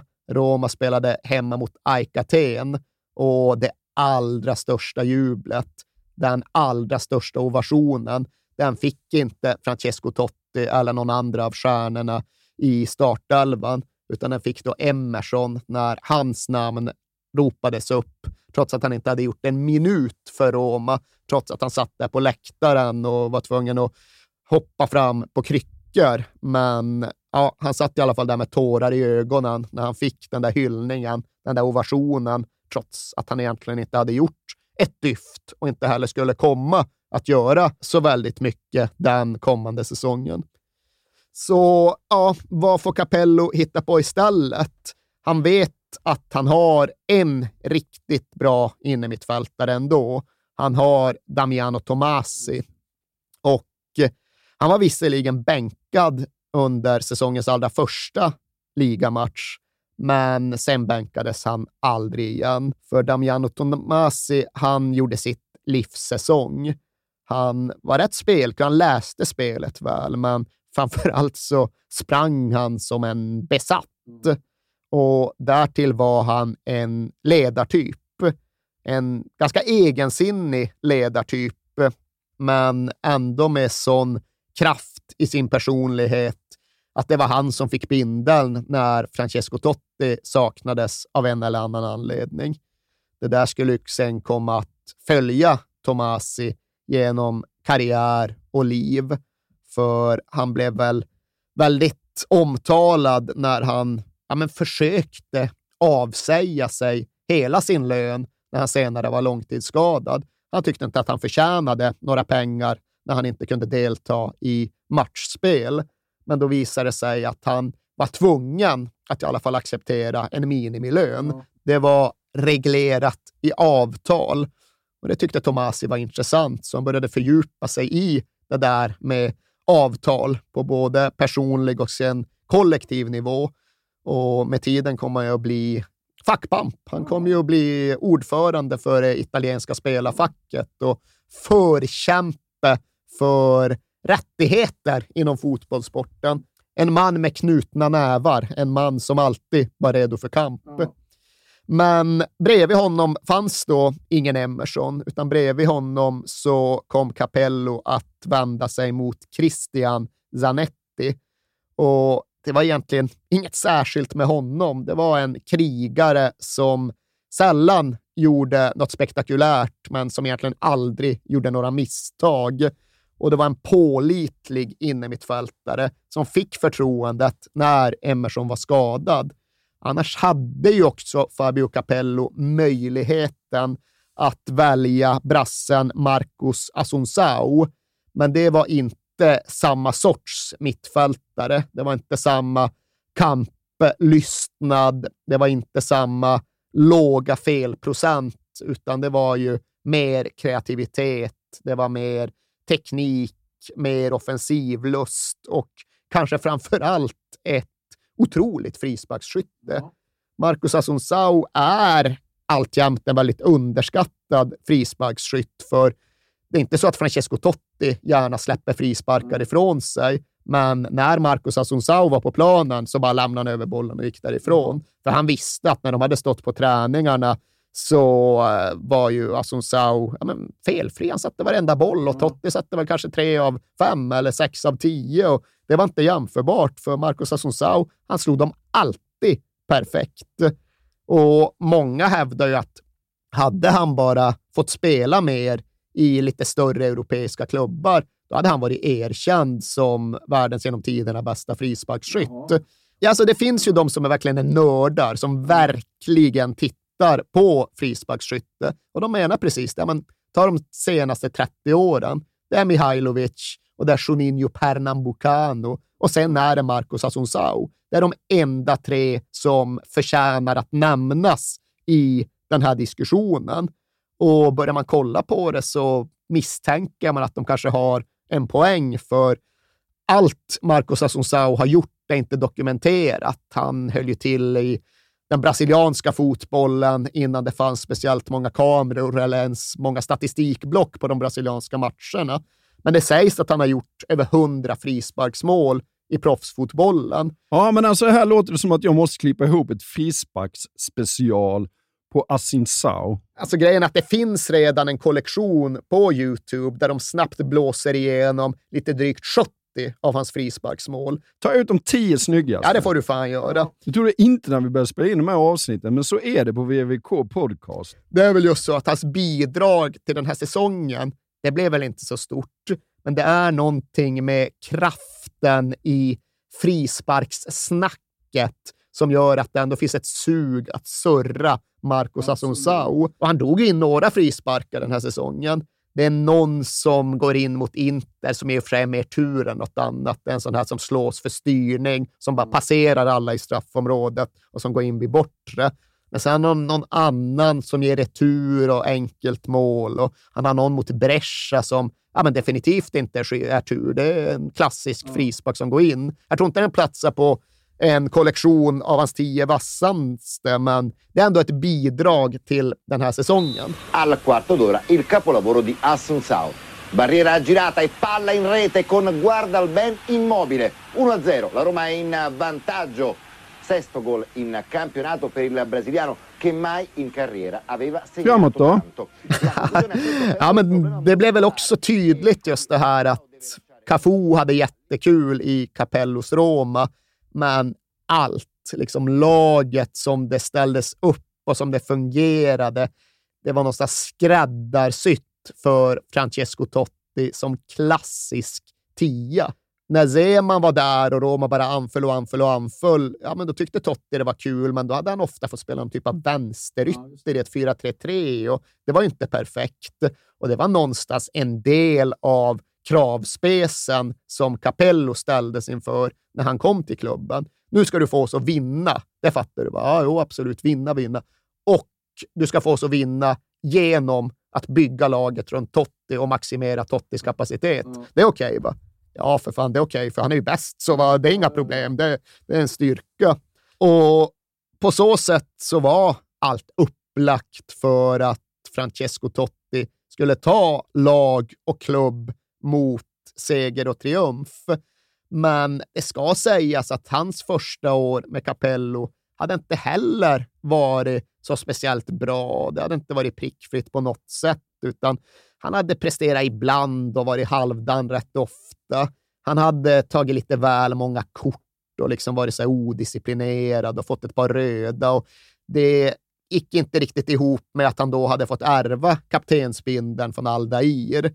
Det är också liksom typiskt för det här laget och de här killarna, att det var inte så att Franco Sensi eller Capello eller någon sa åt dem att det är dags för Totti att få bindeln nu, det fattar ni väl? Utan det var Aldair själv som liksom insåg och som tog initiativ att en dag i omklädningsrummet gick han bara fram, äh, fan mina, mina krafter håller på att tyna bort här nu. Det är dags att sköta successionen. det är dags att tronarvingen får kliva fram. Så här är vi då framme vid säsongen då han verkligen är mogen att axla allt som det innebar att vara Francesco Totti i Rom, i Roma, i Capellos 3, 4, 1, 2 får vi väl ställa upp det och gissa vem som är ettan. Ja, det är Francesco Totti. Och när någon gång Francesco Totti inte kunde spela, då fick som sagt Tomasi låna bindeln och då gick det kreativa ansvaret över till Hidetoshi Nakata. Och det är väl lätt att eh, fastna i den här liksom missuppfattningen att Nakata bara var en tröjsäljare. Han var jävligt bra. Han var en tröjsäljare, absolut. Det är helt sant allt det här om att han var den som fick fotbollen att verkligen inse vilken kommersiell potential som fanns i Östasien. För det var hysteri runt Nakata och det var allt det här med liksom 18 japanska journalister som följde vartenda steg han tog. Men han var samtidigt en riktigt, riktigt skicklig kreativ mittfältare.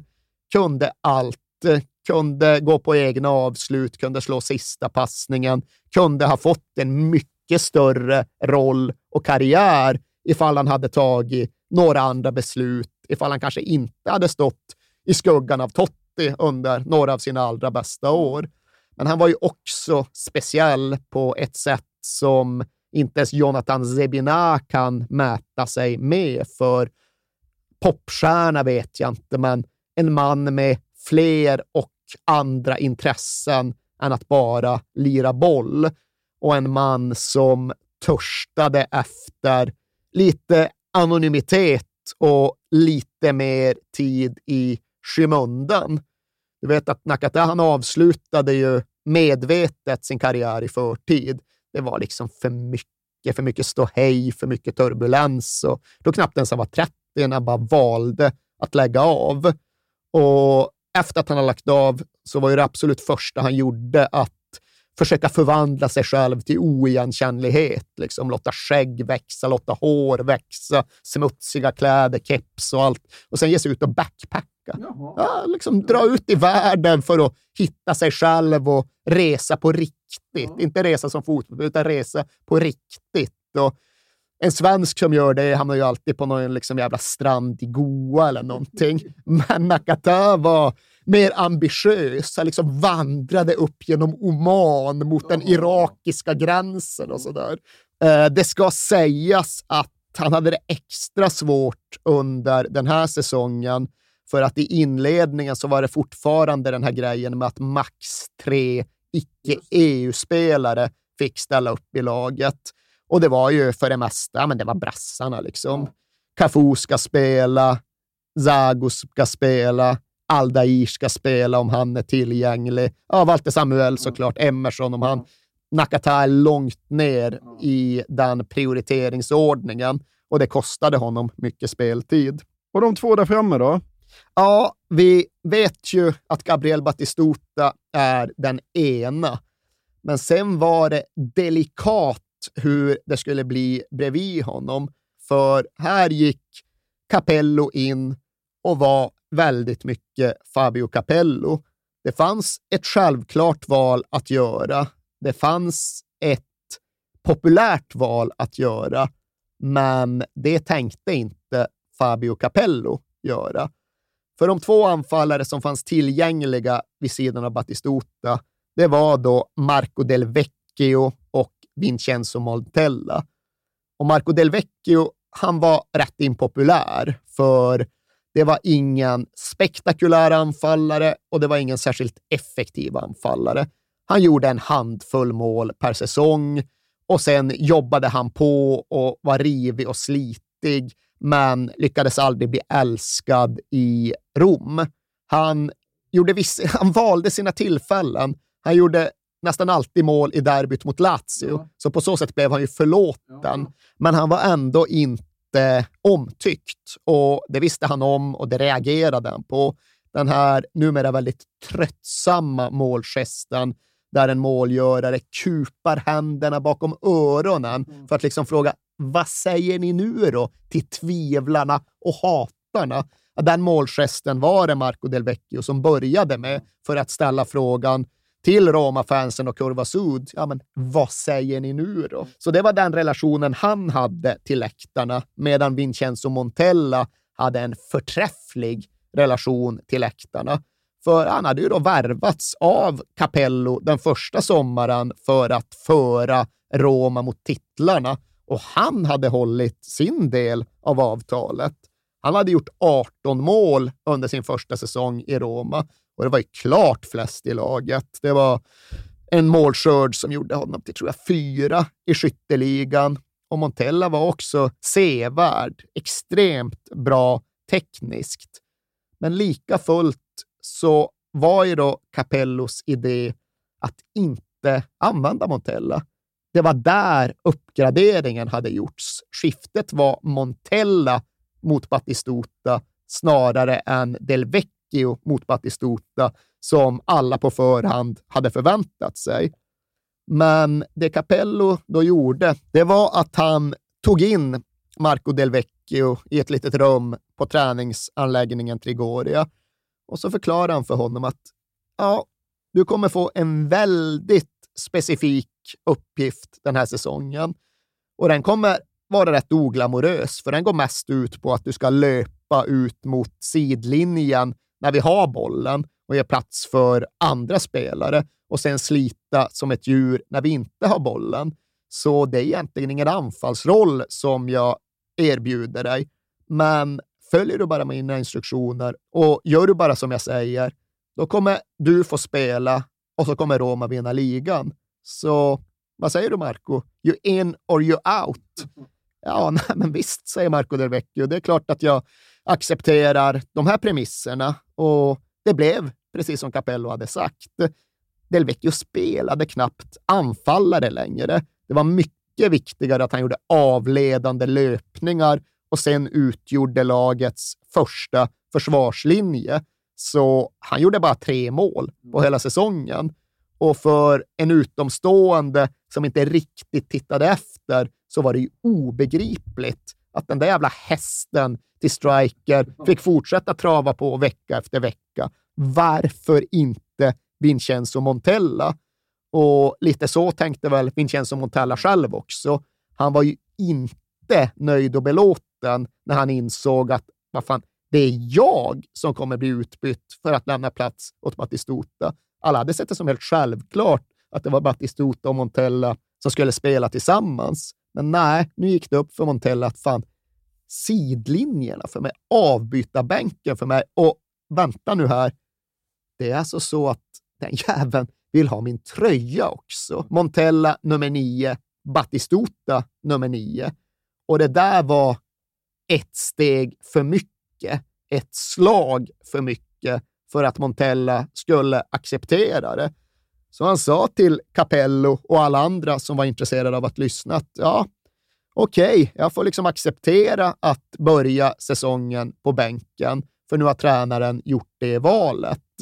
Men jag tänker inte acceptera att bli av med mitt tröjnummer, för det vore den slutgiltiga degraderingen. Det skulle vara en så tydlig, ett så tydligt tecken på att jag inte längre har någon plats och något värde här. Så tar ni ifrån mig tröjnumret, då flyttar jag. Petningen okej, okay, tröjnumret inte okej. Okay.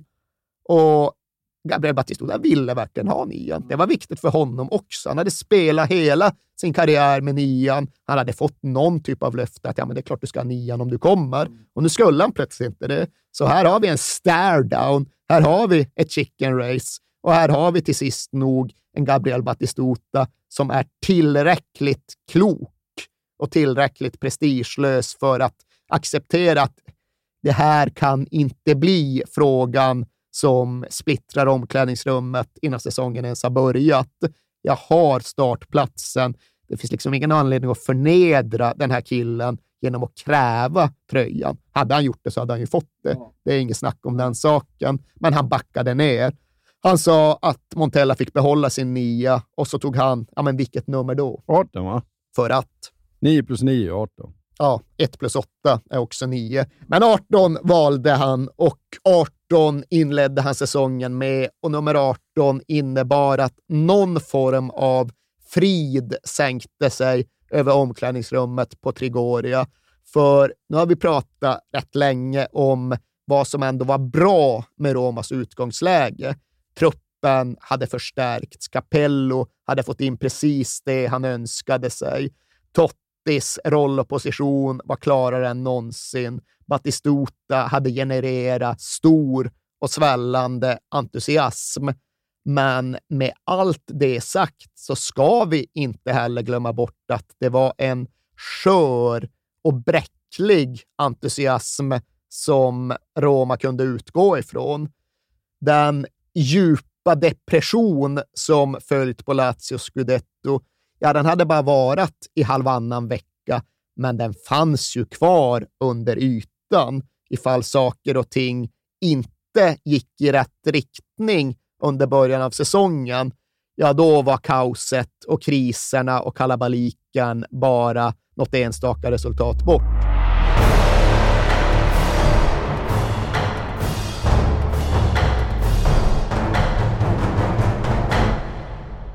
Ja, för att säsongen börjar med att de möter Atalanta i den italienska kuppen och då är det faktiskt ingen frid i omklädningsrummet efter va? Nej, så kan man säga. Det är ju en speciell säsongsupptakt för att ligan, ja, ligan börjar ju aldrig. Första var EM, men framför allt är det OS nere i Australien som påverkar ja, men, hela spelschemat. Serie A börjar först i oktober. Och Det innebär då att det första som händer är att det ska spelas Coppa Italia. Och det är då ett dubbelmöte mot Atalanta. Och det går ju inget vidare. Första matchen 1-1 hemma på Olympico. Mm. Sen då bortamatchen utspelade uppe i Bergamo. 4-2 till Atalanta. Och så var det med den optimismen direkt efter matchen så det liksom blir inget bra när det ska snackas med pressen. Capello tycks skylla på spelarna. Spelarna tycker inte att det sköts något vidare, men allt det där är ändå en bisak när laget väl återvänder till Rom och tänker sig att gå ut och träna dagen efter debaclet. För ja, fansen kommer till träningsanläggningen, Ultrasgrupperna går i täten, de tar sig in, de stormar träningsanläggningen eh, och den, den är visserligen öppen. Roma hade för vana att träna inför publik, men den här dagen så tar sig då olika supportergrupper även in på de områden av Trigoria där de inte får vara, de som ska vara privata, bland annat då spelarnas bilparkering. Där forcerar de sig in och där passar de på att liksom kasta ägg och rutten fisk mot spelarna som anländer. Och där ger de ju sig sen också på både spelarna fysiskt, men framför allt deras bilar. Montella får sin Jaguar sönderslagen. De sliter backspeglarna av Asunsaus BMW. Men framför allt så är det ja, men, rätt mycket eh, osmaklig jävla rasism riktad mot ja, de svarta och kanske framförallt de brasilianska spelarna. Aldair, Aldair, hjälten Aldair, han behöver poliseskort för att ens komma in. Och Cafu, den evigt glade, den sorglösa Cafu, han hade fått för sig att ta med sig sina två söner till den här träningen och han tvingas konstatera att de blir vittnen till all den här aggressiviteten, all den här våldsamheten. Och det innebär att både sönerna och i förlängningen Cafu själv bryter ihop gråtande. Och ja, men Francesco Totti och de andra i laget får ja, men försöka ta hand om honom och försöka lyfta upp honom. Och Francesco Totti, 24 år gammal, han inser att ja, det räcker inte att försöka gaska upp den här brasilianska världsmästaren, utan jag behöver ta ett större ansvar här. Så han gör ju det som han kommer att göra så väldigt ofta under sin karriär. Ja, han går ut för att inte konfrontera fans, utan för att snacka med fansen. Det var ju någonting han ja, men väldigt ofta gjorde och där andra med rätta skulle ha känt sig obekväma och till och med rädda, så visste ju alltid Totti att ja, men, det är inga problem för hans egen räkning de kommer lyssna på honom. Han kommer lyssna på dem också. Och de som inte redan var hans kompisar och bekanta i de olika ultrasgruppernas ledarskikt, de kommer ju att bli det med åren. Det här var liksom personer som Totti kände väldigt väl och som han kunde prata med även när ingen annan nådde fram. Och nu fick han ju liksom ta emot eh, frustration och frågor. Alltså, vad fan, förra säsongen så hette det att vi var färdiga, vi var klara, vi hade tagit in Capello, vi skulle vinna och så slutar vi sexa och så vinner Lazio. Och sen kommer en sommar då Capello får allt han pekar på. Vi värvar in jättestora, dyra spelare och det heter att allt är på plats och nu ska vi vinna. Och så går vi och förlorar mot Atalanta det första. Vad, fan, vad är problemet? Vad är det som saknas? Vad är det som inte står rätt till? Och Totti får försöka liksom... Det är inget som saknas. Det är inget som är fel.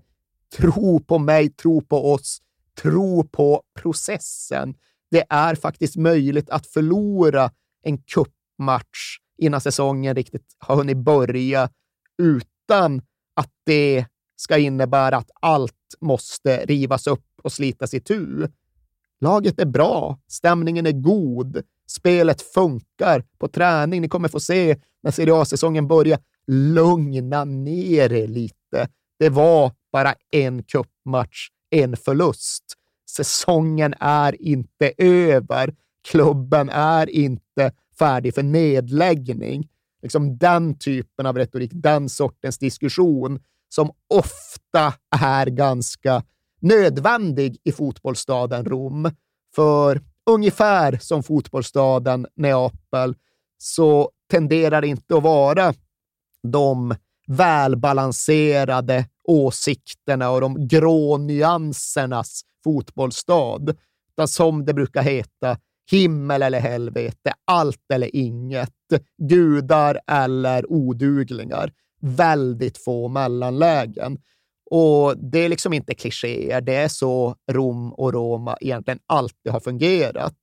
Francesco Totti själv har ett stort inslag av det i sin karaktär, men han är ju också medveten om att det kan inte få funka på det sättet. Och det var det han behövde förmedla lugna ner er. En match, vi går framåt, det kommer bli bra. Nu tar vi det här vidare som om det inte vore kris eller världskrig. Vi ska träna på eftermiddagen. Ni får titta på precis som vanligt. Ni kanske kan ge fan i att slå sönder fler bilar. Ni kanske istället bara kan gå och liksom titta på träningen och stötta oss och sen fortsätter vi framåt. Och så blev det.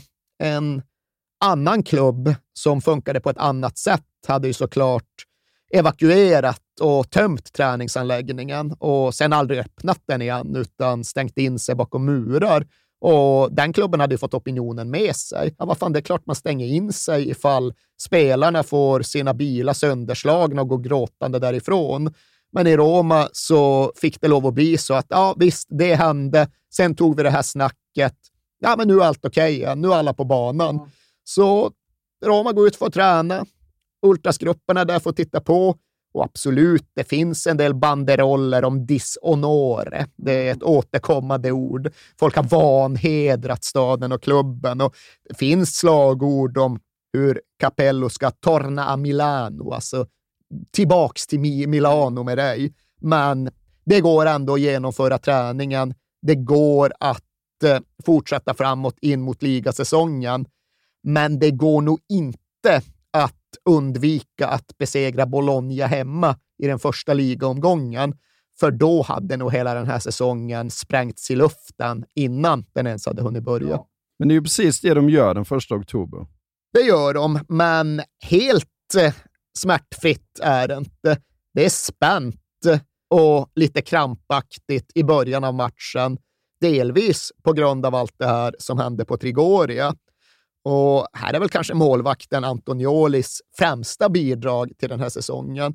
För han gör flera riktigt bra räddningar i ett läge där Alltså det var inte bara det att Roma inte kunde förlora. Roma kunde inte hamna i underläge. För hade de släppt in första målet, ja, då hade stämningsläget på Olympico nog gjort det omöjligt att vända matchen. Men nu blir det inget ledningsmål för Bologna, utan det blir istället ett ledningsmål för Roma. Och naturligtvis är det Francesco Totti som gör säsongens första mål. Minuti di recupero, punizione di Cafu, testa di Totti e gol, l'esultanza del capitano che bacia la maglia, Roma 1, Bologna 0. Si trattengono a vicenda Totti ed Olive, Farina non interviene, Totti trova pallone e angolo giusto. Sen avgörs matchen i andra halvlek då en Bologna-back pressad stöter bollen mot eget mål, in i eget mål. Och det är kul att titta på det, för bollen är ju på väg in i mål, det är helt uppenbart. Ingen behöver göra något. Men Battistuta jagar ju ändå efter som en tokig för att kunna hinna få en touch på bollen, på så sätt få målet och göra sitt första för Roma. Han jagar, han fläker sig, men han rör inte bollen och han är ju synligt förbannad direkt efter. Liksom, ni har gjort 2-0, ni har vunnit den här måste-matchen. Jo, jo, men jag gjorde inget mål. Jag gjorde inte mål. Rasande. Och naturligtvis får ju det följden att stadens nya lejonkung åker ner till Lecce i omgång två och drar in två bollar direkt. Och, ja, då är han igång. Då är Roma igång. Sen är det dock för tidigt att påstå att allt är frid och fröjd och lugnt och harmoniskt, för det som händer i precis det här skedet är att Kevin Keegan avgår som förbundskapten för England. Och det är så att Fabio Capello tillhör de som är intresserade, som blir tillfrågade om de skulle kunna tänka sig utifall att och som känner att jo då, det vore inte ointressant. Men en av de andra som får samma fråga är ju som bekant Sven-Göran Eriksson. Och det medför en speciell liten situation i slutet av oktober. För då är det någon typ av millenniematch för Vatikanen. Och eh, den spelas mellan det italienska landslaget och någon typ av All-star-lag från övriga Serie A och det All-star-laget coachas gemensamt av Sven-Göran Eriksson och Fabio Capello. De två män som utkämpar någon typ av eget Rom-derby om jobbet som engelsk förbundskapten.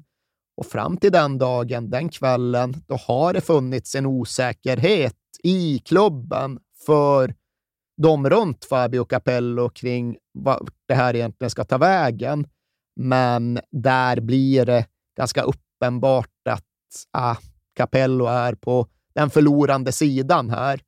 De småpratar ju lite grann och Svennis håller, som vi kan anta, sina kort ganska nära bröstet. Men det blir liksom ändå tydligt att när han spelar så små, snålt och säger så lite och eh, smilar så värmländskt så är det nog undvikligen så att han är rätt säker på att erbjudas det där jobbet. Och precis just så blev det. Den 29 oktober var den där välgörenhetsmatchen. Två dagar senare blir Sven-Göran Eriksson presenterad som ny förbundskapten för England. Och det knockar ju Lazios säsong ur kurs, medan Roma kan fokusera på att få upp sin fart framåt. Och det är inte helt okomplicerat, för det hackar en del i säsongsupptakten.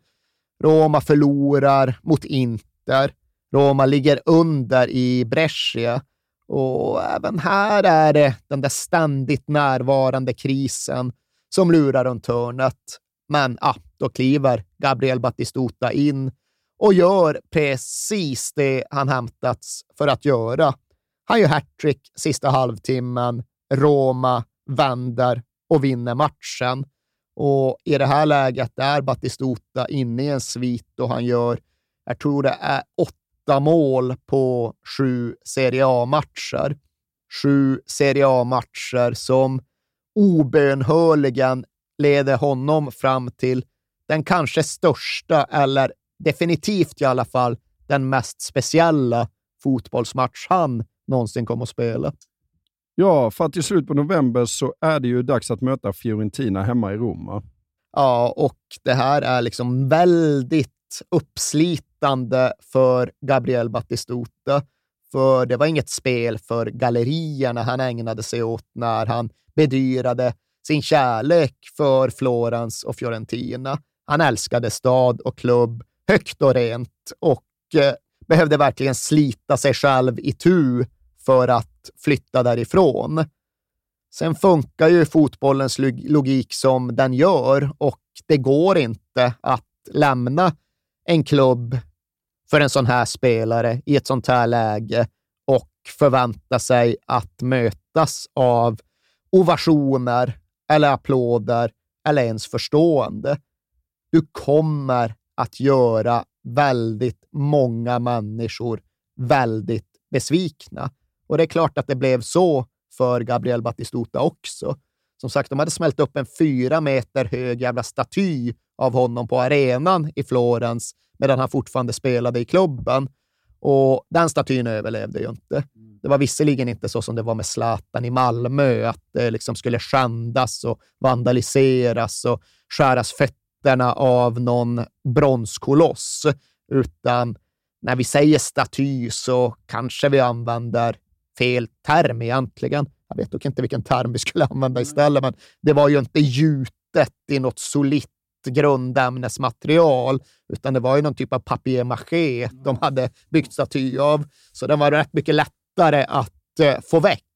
Men den symboliska situationen är ju någonstans densamma och det fanns absolut en stor osäkerhet hos Gabriel Battistuta hur det nu skulle bli när han skulle möta kärnan av sina gamla supportrar igen. Och det var inte så konstigt, för det fanns en stor osäkerhet i Fiorentinas egna led kring hur de skulle tycka, tänka och reagera sin förlorade son. Det var så stor splittring bland dem själva att deras ultras ultraskollektivo, ultraskollektivet på förhand fick lov att kommunicera att vi vet fan inte vad vi ska kommunicera den här gången. Det är för stor splittring bland oss. Det är för många olika åsikter och uppfattningar kring Batistuta för att vi ska kunna gå ut med en enad appell. De meddelar rätt och slätt att ja, vi kommer inte att koordinera någonting, vare sig tifon eller banderoller eller smädelser, utan vi lämnar det till var och en att reagera hur han eller hon nu tycker det är passande att reagera den här gången. Så Fiorentina åkte ner till Rom och fyllde sin sektion med lite drygt 3000 tillresta. Och när avspark väl börjar närma sig, när lagen har värmt upp och det bara är dags att kicka igång matchen, då lösgör sig Gabriel Battistuta från sina lagkamrater och så springer han över planen bort till bortakurvan och bara ställer sig nedanför den och genomför någon typ av blandning mellan ursäkt och hyllning till alla de han lämnat bakom sig. Och den gesten, den intentionen får väl någonstans saken att avgöras och reaktionerna att gå ihop. För det är inte så att Battistuta visslas väck från den där borta sektionen. Det är inte så att eh, folket där bara skriker åt honom och vända sig och gå bort därifrån och aldrig komma tillbaka, utan Battistuta applåderar dem och de applåderar tillbaka. De lyckas lyckas gemensamt återerövra den där ömsidiga respekten som är så djup att den verkligen gränsar till bestående kärlek. Och det var nog det allra viktigaste och det allra svåraste för Battistuta själv den här dagen. Men för den sakens skull blir inte heller själva matchen vidare enkel. För en tuff, tajt match och det finns nog en del av Batistutas gamla lagkamrater som vill göra en och annan poäng. Det finns en och annan där som vill visa att de minsann visst duger och att det inte är den typen av lag som man bara ska lämna. Det är väl kanske framförallt den tjeckiska försvarshårdingen Thomas Repka som ligger extremt tätt på Batistuta matchen igenom. Och det tycks ju inte bli någonting alls av det hela. Det är 0-0 och det är låst och det är inget svängrum för någon, i synnerhet inte för Batistuta. Men med lite drygt fem minuter kvar så studsar så en förlupen boll upp framför honom strax utanför Fiorentinas straffområde. Och i ett sånt läge tvekar inte Gabriel Batistuta. I ett sånt läge tänker nog inte Gabriel Batistuta, utan i ett sånt läge gör han bara det som han har gjort tusentals gånger förr. Han svingar högerbenet och låter dojan tala. Han hittar den där halvvolleyträffen som gör det helt omöjligt för en målvakt att rädda eller ens reagera.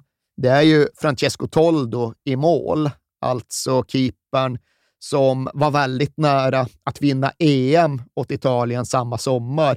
Men trots att han är nästan två meter lång och trots att han knappt ens har gått ut från sin mållinje så kan han inte göra någonting när den där halvvolleymissilen bara viner förbi över honom och sen sjunker som en sten ner och in under ribban.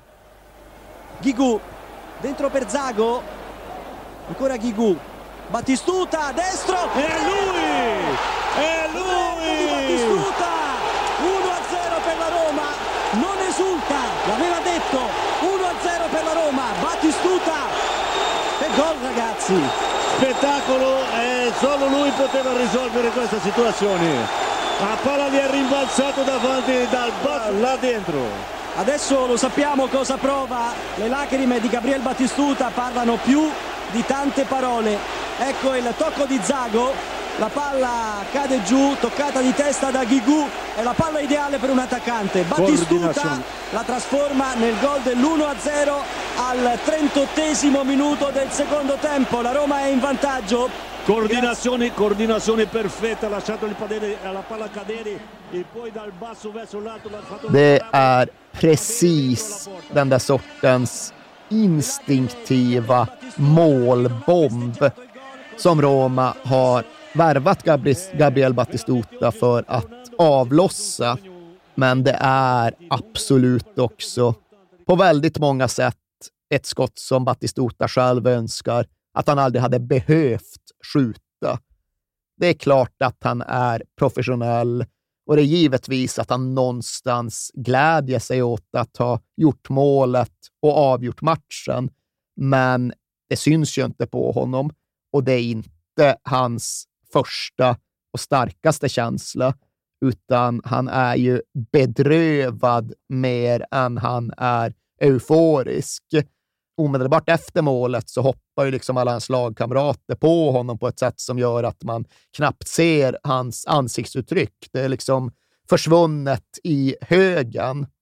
Men när klungan sen skingras så ser man ju att det är ett lite plågat ansiktsuttryck och det är lite vattniga ögon. Och de som befann sig närmare Batistuta på planen än vad tv-kamerorna gjorde. De berättar att det inte bara var lite vattniga ögon, utan det var rena, riktiga tårar som rann ner för Batistutas kinder sekunderna, minuterna efter att han hade gjort det där målet. Innan spelet visslades igång igen så tittade Totti på Batistuta och såg det att, ah, fan, han står, ju, han står och gråter mitt under pågående match och han tvingas ta sin matchtröja för att torka ögonen. Och det är inte svett han torkar bort, utan det är rena, riktiga tårar. Gå med mig